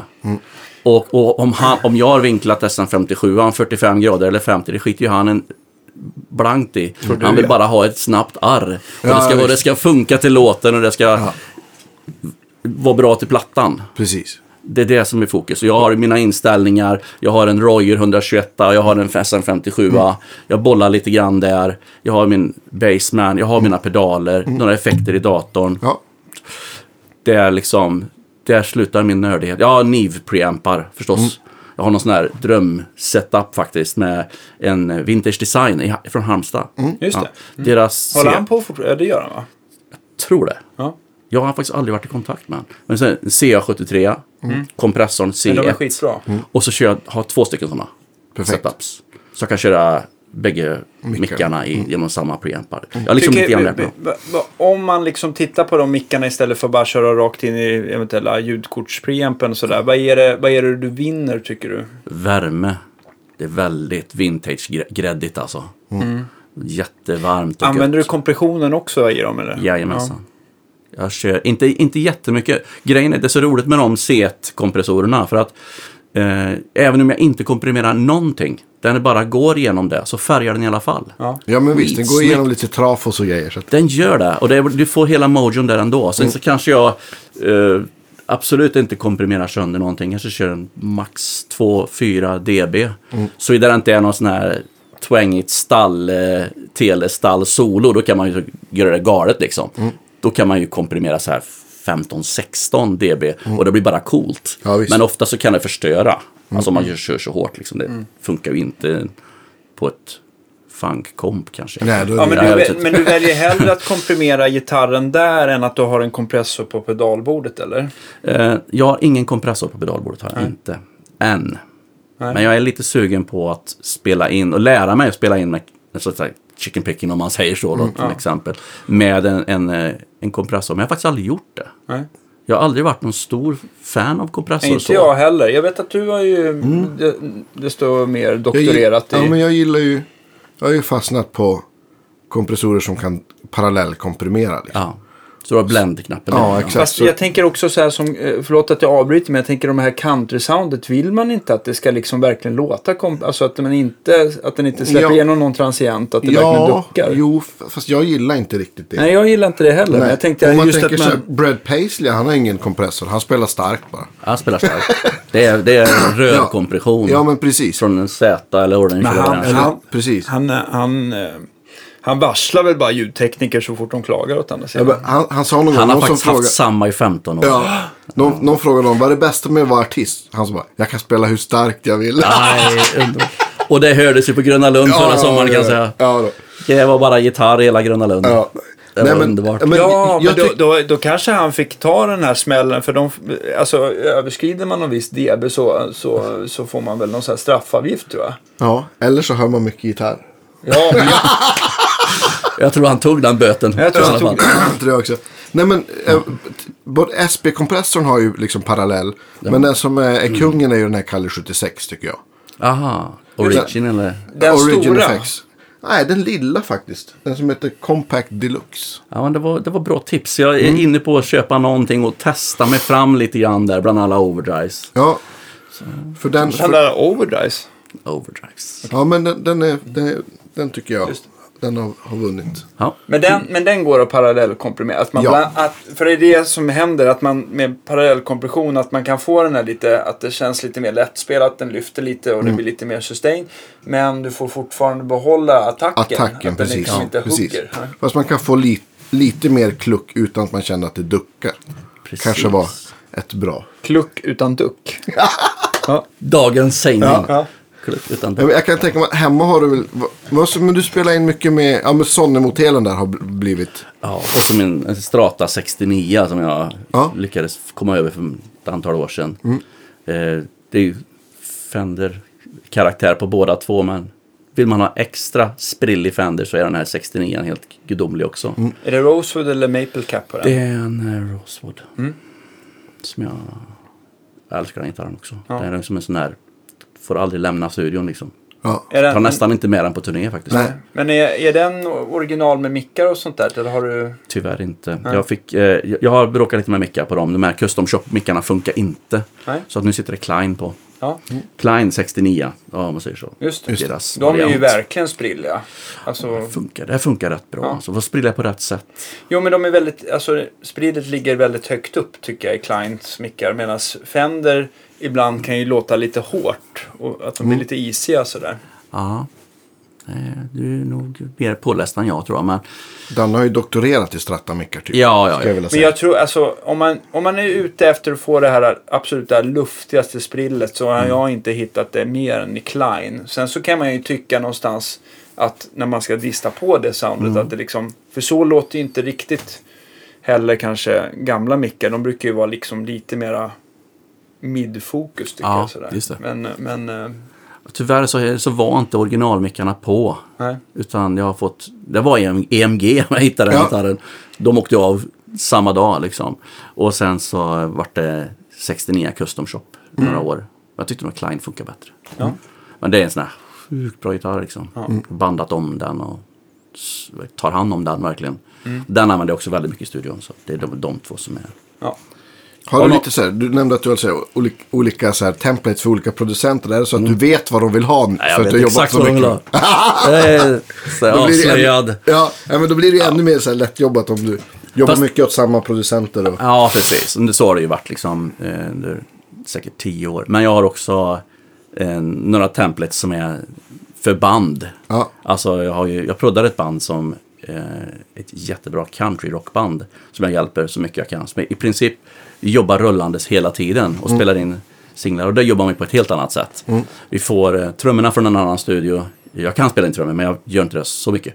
Eh, Så får vi trummorna från en annan studio och så, så bandar vi bas och gitarrer och sång och nördar i arrangemang istället. mm, vad är det för, för Eh, band? De heter Hometown Marie. Okej, De är från Mariestad. Ja. Jättebra country rockband. Ja. Som arbetar stenhårt och sliter. De skriver själva, arrar själva, Mm. spelar in själva, alltihopa. Jag är bara med och gör någon additional, du vet, eh, någon mandolin eller någon slide eller ja visst. Och, och, och lägger om solon och... lägger om alla solon när de är klara. Ja. Nej, fy fasen. skulle jag aldrig göra. Nej, men eh, även om de egentligen, eh, ibland så brukar de säga, kan inte du spela någonting? Nej, nej, nej, nej ni spelar. Ni sköter det här så bra så att det, nu är det ni som... Så här. Och så tar vi med oss det materialet till Nashville och så mixar vi det hos Billy Decker i Music Row och så, så har vi gig i Nashville. Ja, visst. Det är min så här hobby, underbar hobby. Ja. Men kan du avslöja vilka dansbandsproduktioner som du spelar på? Eller blir det så här känsligt mot den Ja, jag, faktiska gitarristen? Är det Ja. hemligstämpel? Är det, är det liksom en, som en oskriven regel? Att jag, man vill liksom... al- jag vill aldrig vara med på några skivor eller någonting. Jag är inte det. Aldrig varit. Nej. Och jag väljer att inte prata om det. Ja. Jag är bara glad att jag har det som yrke. Så jag, jag har en jätteyrkesstolthet i att hjälpa vem som helst med inspelningar. Och jag tycker det är jättekul att hjälpa dansband också. ja Jag tycker herregud. verkligen det. Ja. Jag, tycker, jag tycker jag har ingen prestige i någonting sånt här. Jag tycker Nej. det är skitkul. Nej, men jag tänkte, jag tänkte att det liksom- kan vara känsligt. Ja, det är det. Det Ja, kanske det är. Och jag tycker inte man ska... Ja, det är ju jättebra gitarrister, men Mm. de är på turné 14-15 dagar i månaden. Mm. De hinner inte bli studiomusiker. Nej. Det får man faktiskt respektera. Absolut. De, de släpar upp sina grejer. De åker 200 mil per helg. De släpar upp sina grejer. Och de Precis. jobbar som idioter. Ja, oh ja. Och så när det är dags för skivinspelning så måste de släppa det. Ja. För att de... De det har är för mycket valkar i händerna. Ja, de de har fullt upp och bytt växellåda på sin buss. Ja. Nej, men det är ju helt sant alltså. Så jag är, jag är väldigt så här respekt och tycker att det är liksom Mm. schysst att de låter mig göra det. Eh, så. Ja, men det är bra. Det är, och som sagt, de gör ju skivor fortfarande. Så då, De du, då blir det liksom 10-12 låtar istället för en låt. Och så har de en skivköpare. Ja, är just helt det. otroligt. Det är Ja, men du ser dansbands och hårdrockpublik köper ju fortfarande fysiska plattor. Ja. Det, jag, jag får faktiskt ett och annat hårdrocksjobb också i studion faktiskt. Det? Ja, kul. Det är liksom, jag har sparat min sons, han har en Ibanez eh, RG någonting, Ja. som är B-droppad. Okej. Jag, jag har sparat den för Nu är ibland, vi nere i källaren här. ibland händer det att man får lägga riktigt Ja. Inte ofta, men det händer. Men, men, eh, men blir, det, blir det fortfarande din gamla Baseman eller har du en metal-topp som åker fram? Nej. Jo, jag har en surtopp som jag tycker funkar väldigt bra. Den är väldigt fokuserad så här, El84. Ja. Kanske åt det hållet, fast den där är bättre. Du, du pekar på den här Little på. Hill från Olsson. Ja, den Så är vi provade, vi hade lite, vi höll ju nästan inte på att komma igång här för att det blev, blev Olsson shootout. det blir Olsson Shoot. Det kan bli så ibland. Men, Nej, så att jag har väl någon, någon topp, men oftast då blir det Baseman. Jag, jag har lärt mig den liksom. Ja, så, och du, som jag pratade om alla overdrives. Jag köpte ju Tommy Folkesson Raptor-pedalen. Har ni testat den? ja. Wow! Mm. Älskar den. Den, den är också en sån här pedal. Eh, jag kommer ihåg att första gången jag, jag testade den så, så skakade jag på huvudet för att jag, liksom, jag förstod den inte alls. Nej. Och sen så i en annan stärkare, då bara, aha, det var, det var så här han hade tänkt. liksom. Precis så så att var det, det för mig Den med. var extremt... Sen vet jag inte om han har ändrat, tweakat den någonting. Men det var verkligen som att jag, från, från att jag inte fattar den överhuvudtaget till Nej. att det liksom bara, shit, det här förstår jag verkligen att folk smäller av på. Alltså. Mm. Den var lite speciell med alla sina... Jag var tvungen att, ringa Tommy. Det var bara några dagar sedan. Så jag var tvungen att ringa. Vad tänker du med den här bright-switchen? Och I vilket läge så ska vi ha den liksom? För jag har kört strata. Och då tyckte han fett. Knappen på, bright-knappen eh, i mellanläget. Dock tyckte jag att jag tyckte den lät bättre när man hade bright och verkligen tog, jobba med tonkontrollen ganska hårt. Alltså ganska mycket ton. Då tycker jag att den vaknade på ett helt annat sätt. Och då, då lät basemannen som en Marshall perfekt. Ja, vad gött. Faktiskt. Ja. Jag, jag, jag var tvungen att ringa och säga att shit, det här har du lyckats med riktigt Ja. bra. Så det kostar ju 3000 spänn så den ska ju vara bra. Men Ja, ja, jag, jag blir jätteglad. Så den, den är en keeper för mig. Vi måste ju ha Tommy som gäst. Det har vi sagt flera gånger. Vi måste bara... f- Se till att vi kan att få det- in lite pengar så vi har råd att åka någonstans. Ja, men precis. Nej då, men vi, vi, eh, vi kanske också ska försöka... Han brukar ju ställa ut på fussmässan. Ja, det är väl det enda stället vi har tagit oss eh, an att åka till. Så att, eh, Tommy är skön. Han, vi har haft ett samarbete nu. Han håller på och städar upp i min gamla Marshall-förstärkare. Ja. Så att han eh, ska komma till mig nästa vecka. Ja, Ja, kul. kul. Ja, han bor väl... Nej, han flyttat till Jönköping Han va? bor i Jönköping. För annars var väl han eh, huserad i Skövde i många år. Som Många kanske år. ligger närmare. Väldigt nära mig. Så vi har haft jättemycket samarbete förr. Han har, tror han byggt om alla mina stärk som jag hade på 80-90-tal. Så, så. Vad är det för gammal Marshall då? Ja du, tidig 80. Mm. Sån flex. GMP. GMP. Ja, just det. Mastervolym. Ska han bygga så den blir mer som original eller vad, vad är det ni ska? Jag köpte ju den ombyggd på den modden som fanns då. Jag tror den hette Mark 4. Den åker bort nu. Mm. Och så servar han den. Och så blir den här Classic Etern Ja, just det. Eternal. Heter den, va? Classic Eternal. Jag testat någon ICM 800 som hade. Som lät fantastiskt bra. Ja, ja, jag, jag, jag, har sånt, jag, jag har inte hört den. Men jag har sånt förtroende för Folkesson så att han, får, han får göra ordning den igen liksom. Mm. För jag, jag körde med den, den topp och låda jättemånga år under Fame Factory-tiden och vi Ja, turnerade. På, och vi, då, då hade jag den och han gjorde in, satte in sån här loop i bak. Mm. Eh, jättebra loop och den lät fantastiskt. Men sen så blev jag lite vintage-nörd sen då så blev Fender istället. Så Mm. Just det, Fame Factory, det gamla tv-programmet där. Var det Bert som höll i det? Eller var det... Ja, det var Bert Ja. och TV3. Ja, just det. Kanal Just 3. det. Just det. Och eh, Strix Television var det som... Hur, funkar det, levererade. hur funkar det ditt jobb där? För det här är många år sedan va? Ja, det här är 15. Det var mellan 2002 och 2005. Ja. Men det var... Jag, jag ser på Ett de bra åren som... tv-program tyckte jag. Jättebra. Ja, så ser man på det nu och jämför med de program som finns idag, alltså kanske då Så mycket bättre, Idol, de mus musikprogrammen, så blir man lite full i skratt. För det, det är ju ändå, det har hänt mycket på 15 år. Och vi var ju så här fyra, fem stackare som stod där och spelade live utan backtracks liksom. Verkligen live, då med väldigt få rep. Och det låter ju som det gör då. Alltså, det är ju inte som dagens program, om du förstår. Nej, så Så mycket väldigt- bättre är ju så mycket tracks får man väl säga. Fast det, låter, det låter ju fantastiskt Ja, bra. Jag absolut. älskar Det det programmet. band. Och, Jag och, och, liksom, och jag, jag tycker att bandet gör ett fantastiskt Ja. jobb. Men det är klart att det är, pro, att det, det är produktioner bakom. Mm. Vi körde ju, vi fick alltså 45 minuter med varje artist Ja. att arra. Och sen var det bandning för det som skulle komma på kvällen. Och då var det färdigarrat. Mm. Så 45 minuter per låt, det är inte mycket tid. Nej, det är inte. Och det var vi hade, att få en låt och lyssna på den och prata med artist. Och sen så fick vi hitta ett arr som funkar. Och sen så var det bara några bildrep, ljusrep och sen så var det tagning. Så det var ju motsatsen mot hur produktionen händer, hur de ser ut idag. Men jag ser de tre åren som absolut mest lärorika i mitt liv. Fy vad vi jobbar hårt alltså. Varenda dag. Gick Bert eh, in med, med hela handen och bestämde hur det skulle låta eller vad han kom in och tjatade ibland. Och så hade han med sig semlor och sen så bråkade han lite och ställde till lite oväsen och gjorde så att artisterna grät lite och... Nej, jag skojar bara.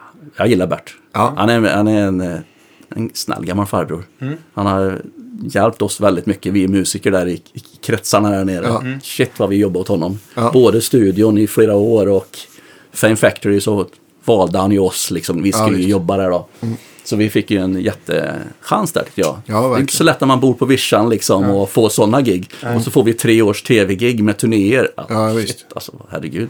Det var ju fantastiskt kul och vi fick ju verkligen jobba som musiker. Mm. Snacka om att man fick köpa instrument. Jag måste ha en jazzgitarr, jag måste ha en sån. Ja, då måste jag ha en bouzouki till den.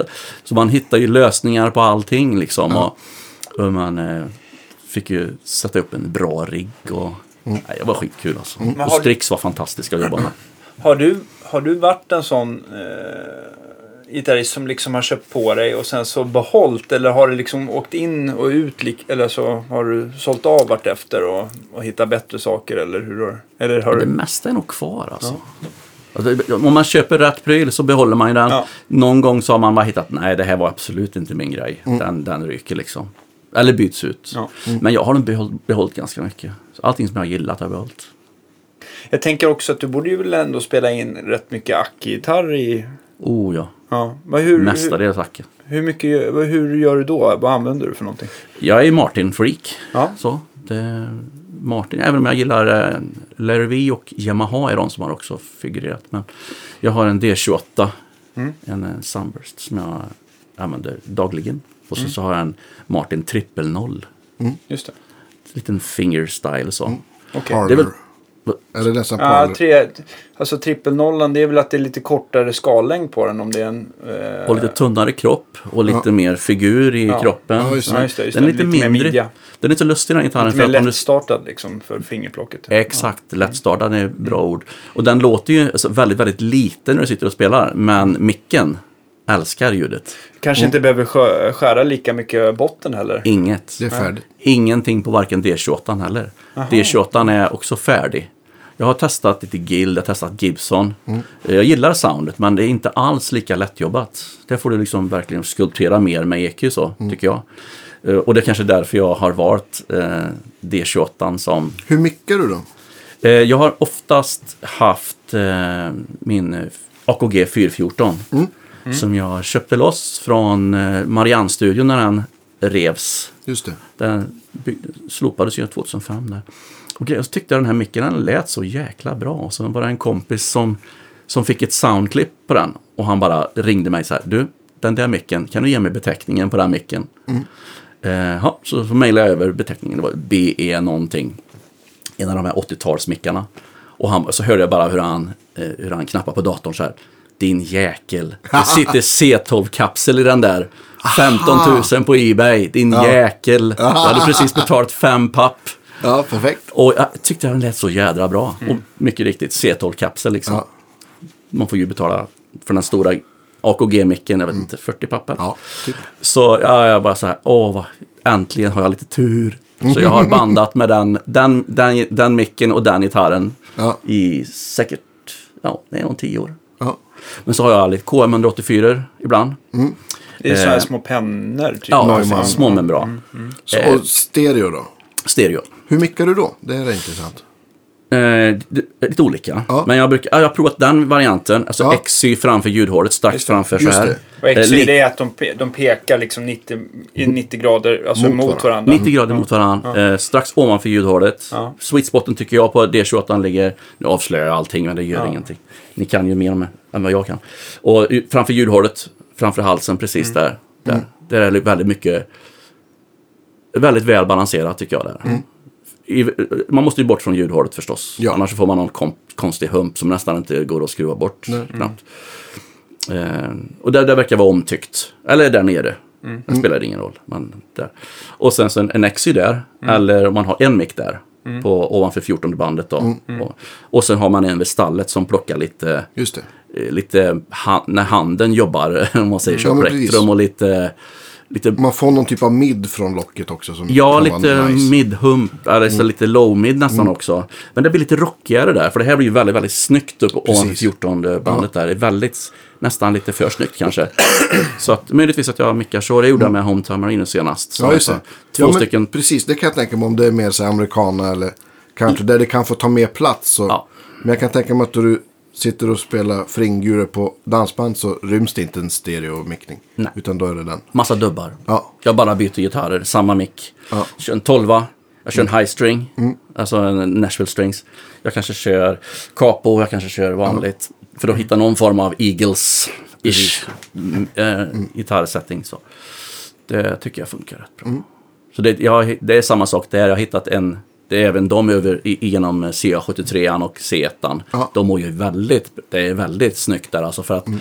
D28 är rätt krispig och rätt, nästan lite tunn. Mm. Man kan jämföra den med andra gitarrer. Ja, men Gibson är ju oftast lite mörkare ja, i klangen. Precis. Guild är ju inte så här att man alltid får prova dem. Jag upplever dem ofta som lite stiffa sådär. Men det, ja, kanske jag har provat fel ex. Ja, nej, men jag har väl inte riktigt heller fastnat så kanske. Eh, Nog för att jag skulle vilja ha en Gibson J45. Jag letar Mm. fortfarande. En J45 jag skulle vilja ha för så här lite country style. Ja, men det kan, för, folk, för folk som inte har jämfört, när man har sålt i alla fall nya Martin, Taylor och Gibson.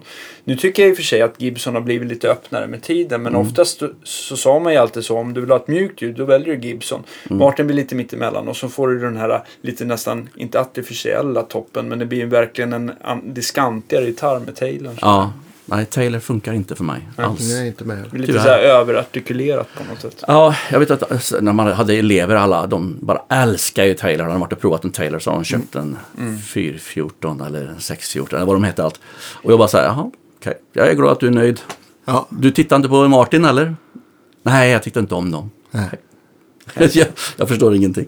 Nej, men det är ju så vad man tycker i första ja men precis. anblicken. Däremot så tycker jag att eh, jag har inte heller varit någon så super Taylor-fan. Men däremot så har jag varit, när det kommer till de här lägre serierna som har tillverkats i Mexiko. Mm. Som, även, som även Martin gör. Så, har ju, så har ju Taylor varit mycket, mycket roligare tycker jag. För Taylor, då har ju, Taylor, de har ju en skruvad halsinfästning. Ja. Vilket har varit bra mot den här typiska pucken som möts där vid i halsinfästningen. Så det. har ju inte blivit samma problem i den torra svenska vintern. Och sen så tycker jag att de här Marty-gitarrerna som, som oftast har, eh, nu tänker jag på de här enklaste som har någon form av du vet, så här, laminerat spillträ typ i halsen. Ja, Med, och sen så plast i sidor och botten med något, i och för sig ett eh, solitt lock va? men jag vet inte, jag får, de tycker jag inte så mycket kul. Men just när det kommer till de här amerikanska, det du använder, typ Ja. D28, HD28, ja.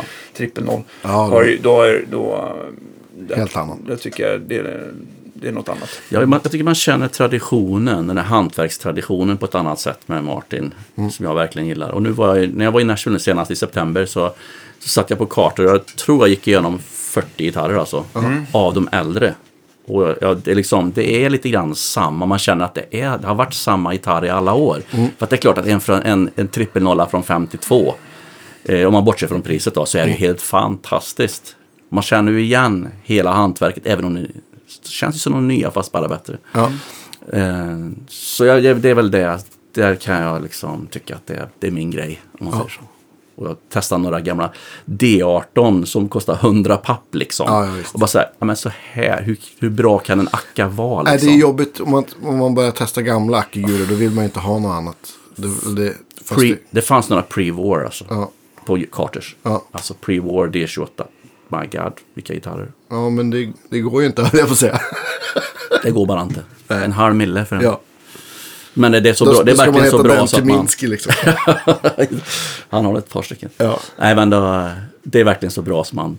Det håller käften bra är det. Det finns någon sån här kul rig rundown med, med Vince Gill där de är hemma i hans studio. Då hänger det liksom såna där. är så här, i, i en, så här, i en hästsko, jag vet inte hur många. Och man fattar att det här, man vet ju att det här är liksom inga, det är inga nytillverkade här inte. Nej. Det är så här handplockade. Ja, exakt. Nej, Men det kanske är så också att det är inte alla Martin D28 från 42 som är bra heller. Utan du måste verkligen hitta dina Det, det ex. tror jag verkligen. Jag har haft, pratat med några experter så här, som bygger Mm. idag. Som har gått igenom de gamla. För, Ja. att, för att liksom lära sig någonting av vad är det som är i locket till exempel. Som, och bracingen som gör att det blir så bra. Och då har de testat vissa gitarrer som har faktiskt varit katastrof. Och inte alls så legendariskt bra. Nej. Men så, så hittar de helt plötsligt rätt X. Och då är det bara så här. Hur bra kan det vara? Ja. Om man vill... Eh, jag äger faktiskt ingen Acke-gitarr alls. Jag tycker oftast när det börjar bli kul så blir det lite för dyrt. Ja. Eh, men av, av det nytillverkade som har fallit mig mest i smaken har ju varit Rasmussen. Jag tycker det har varit helt... Mm, det har varit så knäckande bra gitarrer. Så att du vet, har inte ens senast provat. han var här med någon Dreadnought, det var... Jag kan inte komma på att jag spelar på någonting bättre. Det var, det var så här, håll käften. Håll käften. Ja, ja. Det är alltid roligt. Vad heter den sa du? Rasmussen, han, han eh, håller till här borta i, eh, Jaha, okej. eh, i Det måste vi söder om stan. Ja, Varför har vi inte haft honom som gäst? därför att han vill inte. Nej, jag skojar bara. Jag vet inte. Han bygger Jag hade, jag faktiskt. hade faktiskt eh, med, med, med zombien så intervjuade han. Just faktiskt. Ja. Så att han har, vi har pratat lite grann om någon vill gå tillbaka och lyssna på det. Men, Men, men, det måste vi testa. men då är det liksom 60 plus. det är dyrt alltså. Eller Och det är jag, tror att det, inte jag tror att det mesta av det han tillverkar säljs typ till Japan. Och, och, Just det. Ja. Det blir ju lätt en hype. Alltså, liksom en, vad ska man säga, en, en viss typ av eh, kunder som har Mm. möjlighet och råd och, och så. Men han, Jag skulle gärna ha en. Nej, det är grymt. Varje gång man liksom, han, han kommer att hälsa på relativt ofta så, här, så har man någon fråga. Så här, vad är, du, vad tror du att det här är för träslag? Så, du vet, man nailar alltid rätt. Han har. Han säger skillnad på varenda granvariant. Och eh, det är klart att den här bleka Engelman eller om det är Sitka eller om det är ja, europeisk eller ja. Det är fantastiskt. Det kanske är i och för sig en lätt match för alla som bygger Acke-gitarrer. Men det är, jag tror för en vanlig Svensson är det ju ganska obegripligt. Ja. Även för mig. Jag har ingen aning. Vi har nog ganska många tillverkare i Sverige som är väldigt bra Ja, på ja. Ackefronten. oh ja. Sandén till Ja, exempel. är av dem. Sandén. Jag, Sandén, jag tänker på Sundberg. Ted, Ted. Åstrand. Det är ju fantastisk. Det är bland Vad heter snygg- han i Göteborg? Eh, Jag Jag vet precis vem du tänker på. Men nu har jag förträngt. Han håller Nej, det är till på Hisingen. Jag har glömt bort namnet. ja, jag testade också. Jag testade någon sån. Någon Dreadnought som var helt fantastisk. Ja. ja, det står still. Vi lämnar det. Nej, men det finns jättemycket bra svenska gitarrbyggare. Ja, man kanske Verkligen. skulle testa något. Någon sån där. Nu undrar jag liksom så här. ja, va, Du, du som ändå har samlat på dig så mycket grejer. Mm. Vilken är den sista gitarrgrejen du kommer sälja? Den sista gitarren jag någonsin kommer sälja. Ja, men gitarrsak. Det kan vara en pedal, det kan vara en sladd, det kan vara Acke, el. Ja, det är nog min, den Stratan, den 69an. Mm. För den är liksom, jag vet att den är, jag, jag, det skulle vara omöjligt att hitta någon som spelar så, alltså som är en sån player. Det är inte det här EMG-sättet du har i lådan i alla fall. Nej, det kan du få av mig faktiskt. du kan få det av mig. Jag har två stycken sådana sätt. Ja, för fan. Du får dem. Eh, om jag får en kopp kaffe. Absolut. Nej, men eh, det är det, den 69 och det är för att det är en sån grym player. Ja. Och jag vet inte, jag har ju en kompis som är samlare. Jag vet ju vad, han, vad det är för priser vi snackar Mm. på de här alla vintage egentligen. Mm. Och snart spelar det ingen roll om det är original grejer. Om, om det är originaldelar på. Det är Mm. fortfarande helt sjukt dyrt. Så den gitarren, den, av många orsaker så vill jag aldrig ge mig av med den. Och det är just det att den är liksom också en sån, tillsammans med vissa andra gitarrer, så är det en sån go-to liksom. Man, det här vet jag Du har använt den alltid. så länge liksom. Och på Jag har använt mycket. Mm. den så länge som typ sen i 2000 ungefär någonstans där. Mm. Så då blir det en sån del av dig själv. Precis. Vad händer framöver då? Är det något mer? Ja. När är det nästa Dire Straits-sväng? Ja, det händer jättemycket roliga saker. Ja. Det händer väldigt mycket roliga saker.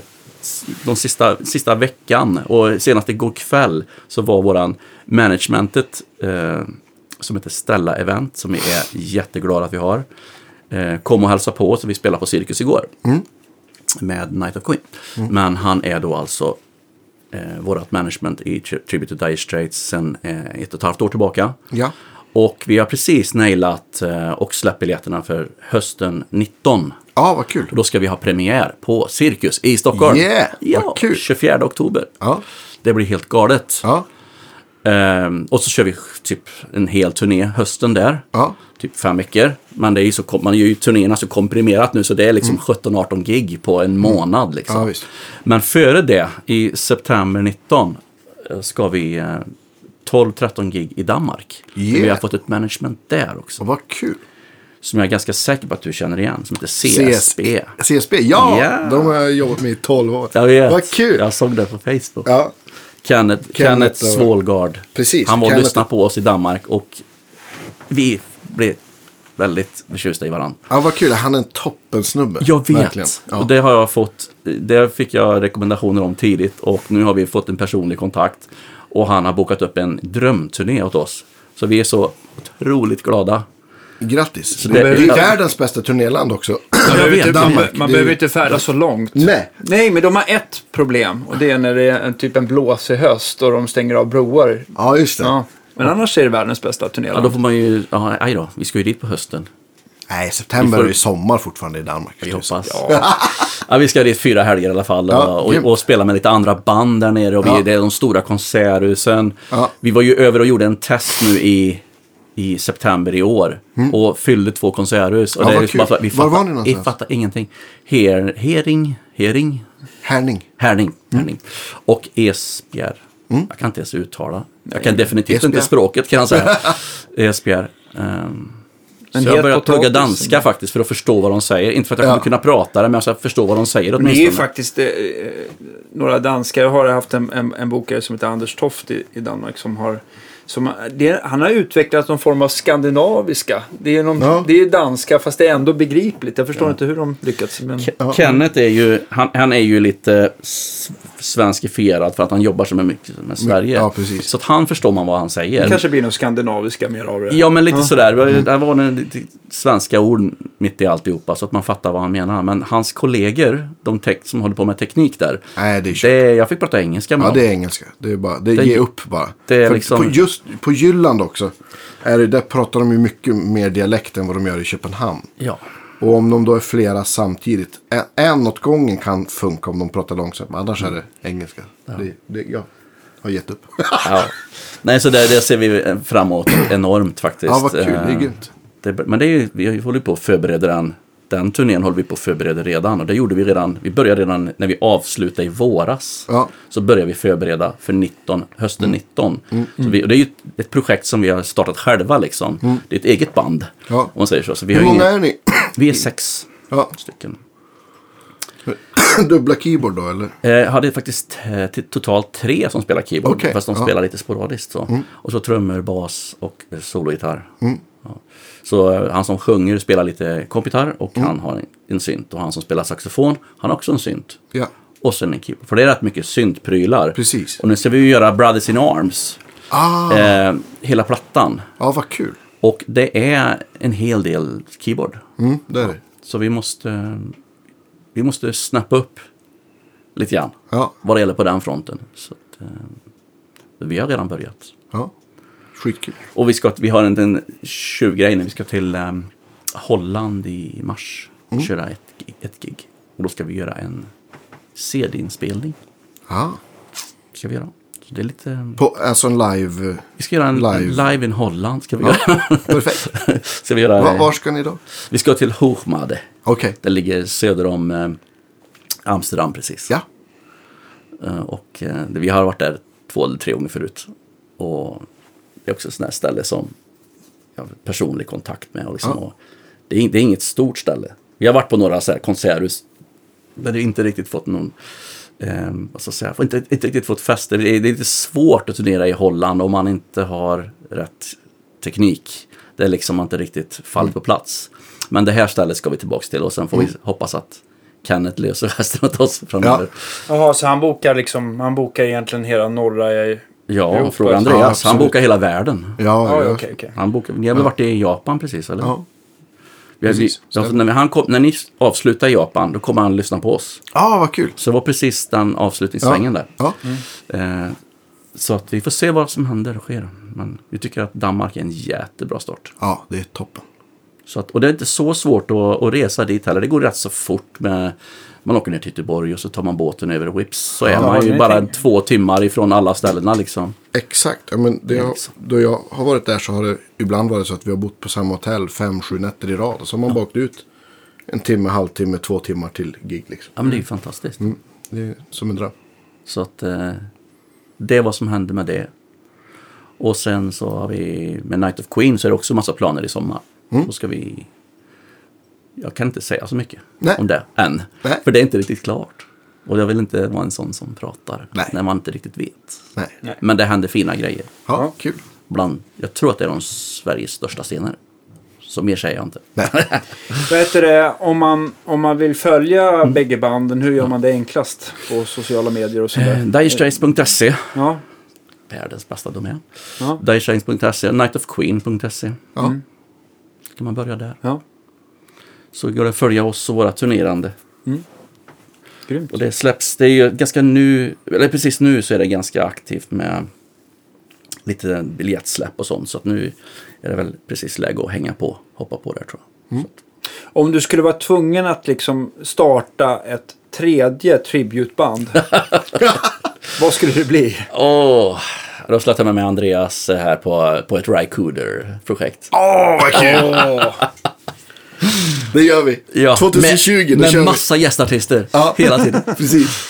Ja, varför inte? Ja, nej men det, ja, det, tankarna har ju funnits för att det är så roligt med Tribute. För att det finns en jättepublik. Ja, och banden finns inte längre tyvärr. Det är, en- det är en rolig och, får man säga, tacksam Mm. bransch att vara i. Men det är ju framförallt att få spela riktig musik. Alltså Mm. Mm. herregud vad kul det är. Och både Mark och Brian May, de är ju sådana omöjliga, ångestfyllda, jättesvåra att härma. Men gud vad kul det är att spela musiken. Mm. Faktiskt. Ja, det är fantastiska låtar. Ja. Kan, kan du ändå så här... äh, vem av dem tycker du har varit svårast att härma? Får du säga så? Ja, jag får nog säga att Mark Knopfler är svårare. Dels för hans bredd. Eh, och det är inte bara elgitarr om man får säga nej, så. precis. Det är ju Akka och nylon och det är Och att liksom... han spelar med fingrarna måste ju vara en... Ja, jag fick ju sadla om den dagen. Alltså, jag Ja. kunde inte spela med fingrarna innan vi åkte på turnén. Så vår första, vår första spelning var med plektrum. Ja, Och jag kunde ju spela, men då, då, då blev det för mycket mig själv om du förstår. Det blev för mycket mina precis. egna grejer. Och då hörde jag liksom, nej det här är inte bra. Det här liksom funkar inte. Så jag sadlade, slängde plektrumet helt och hållet. Och har kört med fingrarna sedan dess. Bara. Och det har varit eh, tufft. De första åren var riktigt jobbigt. Nu är man inne i det, men... Vad tycker du att du har vunnit på att spela mer med, med fingrarna? Om, att, om man bortser från att du gör den grejen. Har, har det liksom varit bra för ditt spel i övrigt? Det har, varit, det har varit bra. Jag, jag tycker jag har blivit en bättre akustisk gitarrist faktiskt. För att där är det ju väldigt så att man ska spela med fingrarna liksom. Eh, och har, kan man på något vis kan man, kan man spela med fingrarna på elgitarr så blir det lite behagligare på akka sen. Och dobro. Det är, en- men eh, på, på elgitarr har det varit en, en stor utmaning. Jag tycker att man vinner så mycket med dynamiken. Så jag faktiskt, även när vi spelar Night of Queen på vissa låtar, när det är mycket så här lite lu- lugnare solen, så släpper jag faktiskt spektrumet. Och spelar med fingrarna, för att jag tycker jag får det här spjånget lite mer upp på halsen, så här, Ja, det här lite varmare, goda. Ja. Så lite mer strängig på något sätt. Ja. Inte så mycket plektrum liksom. Så det är väl det jag tycker är den stora vinsten med det. Mm. Och så, alltså men pedaler och förstärkare låter ju helt annat med fingrarna. Absolut. Helt annat, eller hur? Oh, ja. Och sliderör och, och fingerspel, det ju ihop alltså, ja, tycker jag verkligen. det tycker jag också. Så det blir varmare och kan forma tonen på ett annat sätt. Om, om man liksom eh, tittar på de här tributbanden. Vill, alltså jag tänker så här Money for Nothing eller Sultans of Swings. Det är väl så här folk, eh, publiken går igång i 180. Vilken, vilken är den givna succélåten med Night of Queen? Eh, oj, det är nog personligt vilken du frågar i bandet. Ja men jag tänkte så här, där all, Publik. jag tänker mer ah, publik. du va? tänker publik. Ja, då tror jag att eh, Don't Stop Me Now Ja. och Radio Gaga. just det. Bohemian Rhapsody. Ja, såklart. Lite olika på lika olika sätt. Ja. Ja. De, de tre är liksom alltid. Men vi har en, ett, ett udda, en liten udda låt och det är Barcelona. Just det. Som, som, eh, som, som Freddie gjorde med en operasångare. Ja, just det, just det. Det var ju inför OS där. Precis. Ja. Och den gör vi varje kväll och det är alltid stående. Mm. Alltid stående ovationer. Vi har en jätteduktig sångerska i ensemblen som heter Sofie Rynnefors. ja. Men, men, men eh, kör ni den tuffaste delen av Queen också? Jag tänker på de här Sheer Attack. Eh, vad heter den? Ehm, eller eh, Tie Your Mother Down finns väl också som är lite tuffare. Eller egentligen det tänker jag på Stone Cold Crazy. Oh, I love that song. Nej, vi kör inte den just nu. Nej. Men vi kör ju Hammer to Fall och vi kör ju liksom annat, mycket annat tufft. Vi har nu 31 låtar på repertoaren för ikväll. Ja. Eh, Vi har haft... Är det två typ- akter då eller? Det är två akter. Ja. Definitivt två akter. Tänkte att köra två och en halv timme i sträck. Ja. Nej, men alltså så har vi haft en 50 låtar. Vet du. Vi, har, vi har kört igenom Share Heart Attack. Vi har kört igenom hela Night at the Opera. Mitt första uppdrag med det här bandet det var att köra hela Night at the Opera. Från första till sista låt. Så det är mycket sådana lite udda uppdrag. Vi har kört Share Heart Attack. Vi har kört, um, kör fem låtar med jazz. Så vi kör Dead On Time och Dreamers Ball. Liksom. Det är lite udda material som går hem också väldigt bra. Ja, kul. Så att, eh, men vi kör ju hitsen också förstås. Det måste man göra. Queen är också en sån, sån, deras låtskatt måste man ju säga, är ju, det är så otroligt brett. Ja. Från, från, ja men, opera och saker som låter som 60-tals rock'n'roll till hårdrock. Liksom. Ja, absolut. Det är ashäftigt. Ja, och, och, det- det, och det känns ändå homogent. Det, känns homogent. Nu tänker jag att det är en röd tråd. Ja, precis. Ja. Det känns ändå... Du, Den röda, röda det tråden är ju Freddie Mercury. Eh, alltså bandets sound, kören. Men gitarrspelet också. Ja, Det, man, det genomsyrar ju alltihopa Mm. förstås. Och, Men de är inte så illa pinkade, vad heter det, basisten och trummisen heller. Nu har Nej. jag glömt namnet på dem. Men, men, ska, John Deacon och Roger Taylor. Nej men vilka låtar de har skrivit. Mm. Ja, Another herregud. One Bites the Dust. Radio Gaga. I'm in love with my car. Ja, det är genialt. Det är, så, trummisen och basisten har också skrivit hits. Mm. Får man inte glömma. ja, visst, det är sant. Även om Brian May var den som skrev det konst... Och han och, och Freddie Mercury skrev ju konstverken på 70-talet. Men alla har bidragit på ett Ja, visst. jättecoolt sätt. Det är ju motsatsen mot Mark Knopfler som skrev allt 100% Precis, själv. Han alltid. släppte in Sting som eh, på eh, Money for Nothing bara för att han sjöng introt. Ja. Så det är allt annat helt och hållet han. ja. Inte en enda, en, en, enda, en enda bidragande tonsättare någonstans. Nej. Ja, kul. Ja, men det låter som att du har... Du vet vad du gör framöver. Ja, men det är så lustigt jag hamna, hur jag hamnade i det här tributesvängen. Det var ju bara en ren slump. Ja, och så nu är det liksom, Samma för mig. Det är det liksom hur kul som helst. Ja. Jag menar att jag spelar på konserter så där, där det oftast låter väldigt bra. Det är ju en otroligt Mm. Folk tacksam. sitter ner och är där för att lyssna. Är, De är det. Och de, de har kommit för det här skull. Man är, ett tag så tyckte jag det var rätt så jobbigt. Det var rätt mycket alltså, spela på krogen och det var Mm. svårt att... Jag vet inte, det var svårt att hitta anledning till att man skulle stå där och spela gitarr. För att Mm. de var oftast onyktra. Det var liksom fest. Ramla in i dig. Ja, men lite så öl här, över titta på mig så, vad är du för en... Och sen så försvann de bort till baren. Ja. Alltså, liksom, det var inte riktigt... Man känner sig inte så uppskattad som musiker. Nej. På, på den tiden så spelade jag väldigt mycket i studion i och för sig. Så man, då hade jag liksom mitt jobb ändå. Men nu är det mer så här, yes, det här är kul. Ja, grymt. Man får utvecklas. Ja, toppen. Stort tack för att du ville komma. Ja, så himla kul att få prata lite. Ja. Jätteroligt. Tack så hemskt mycket. Mycket trevligt. Så, så hörs och ses vi, eller hörs framför allt, nästa torsdag. Ja, Ha det så bra, hej då. Hej.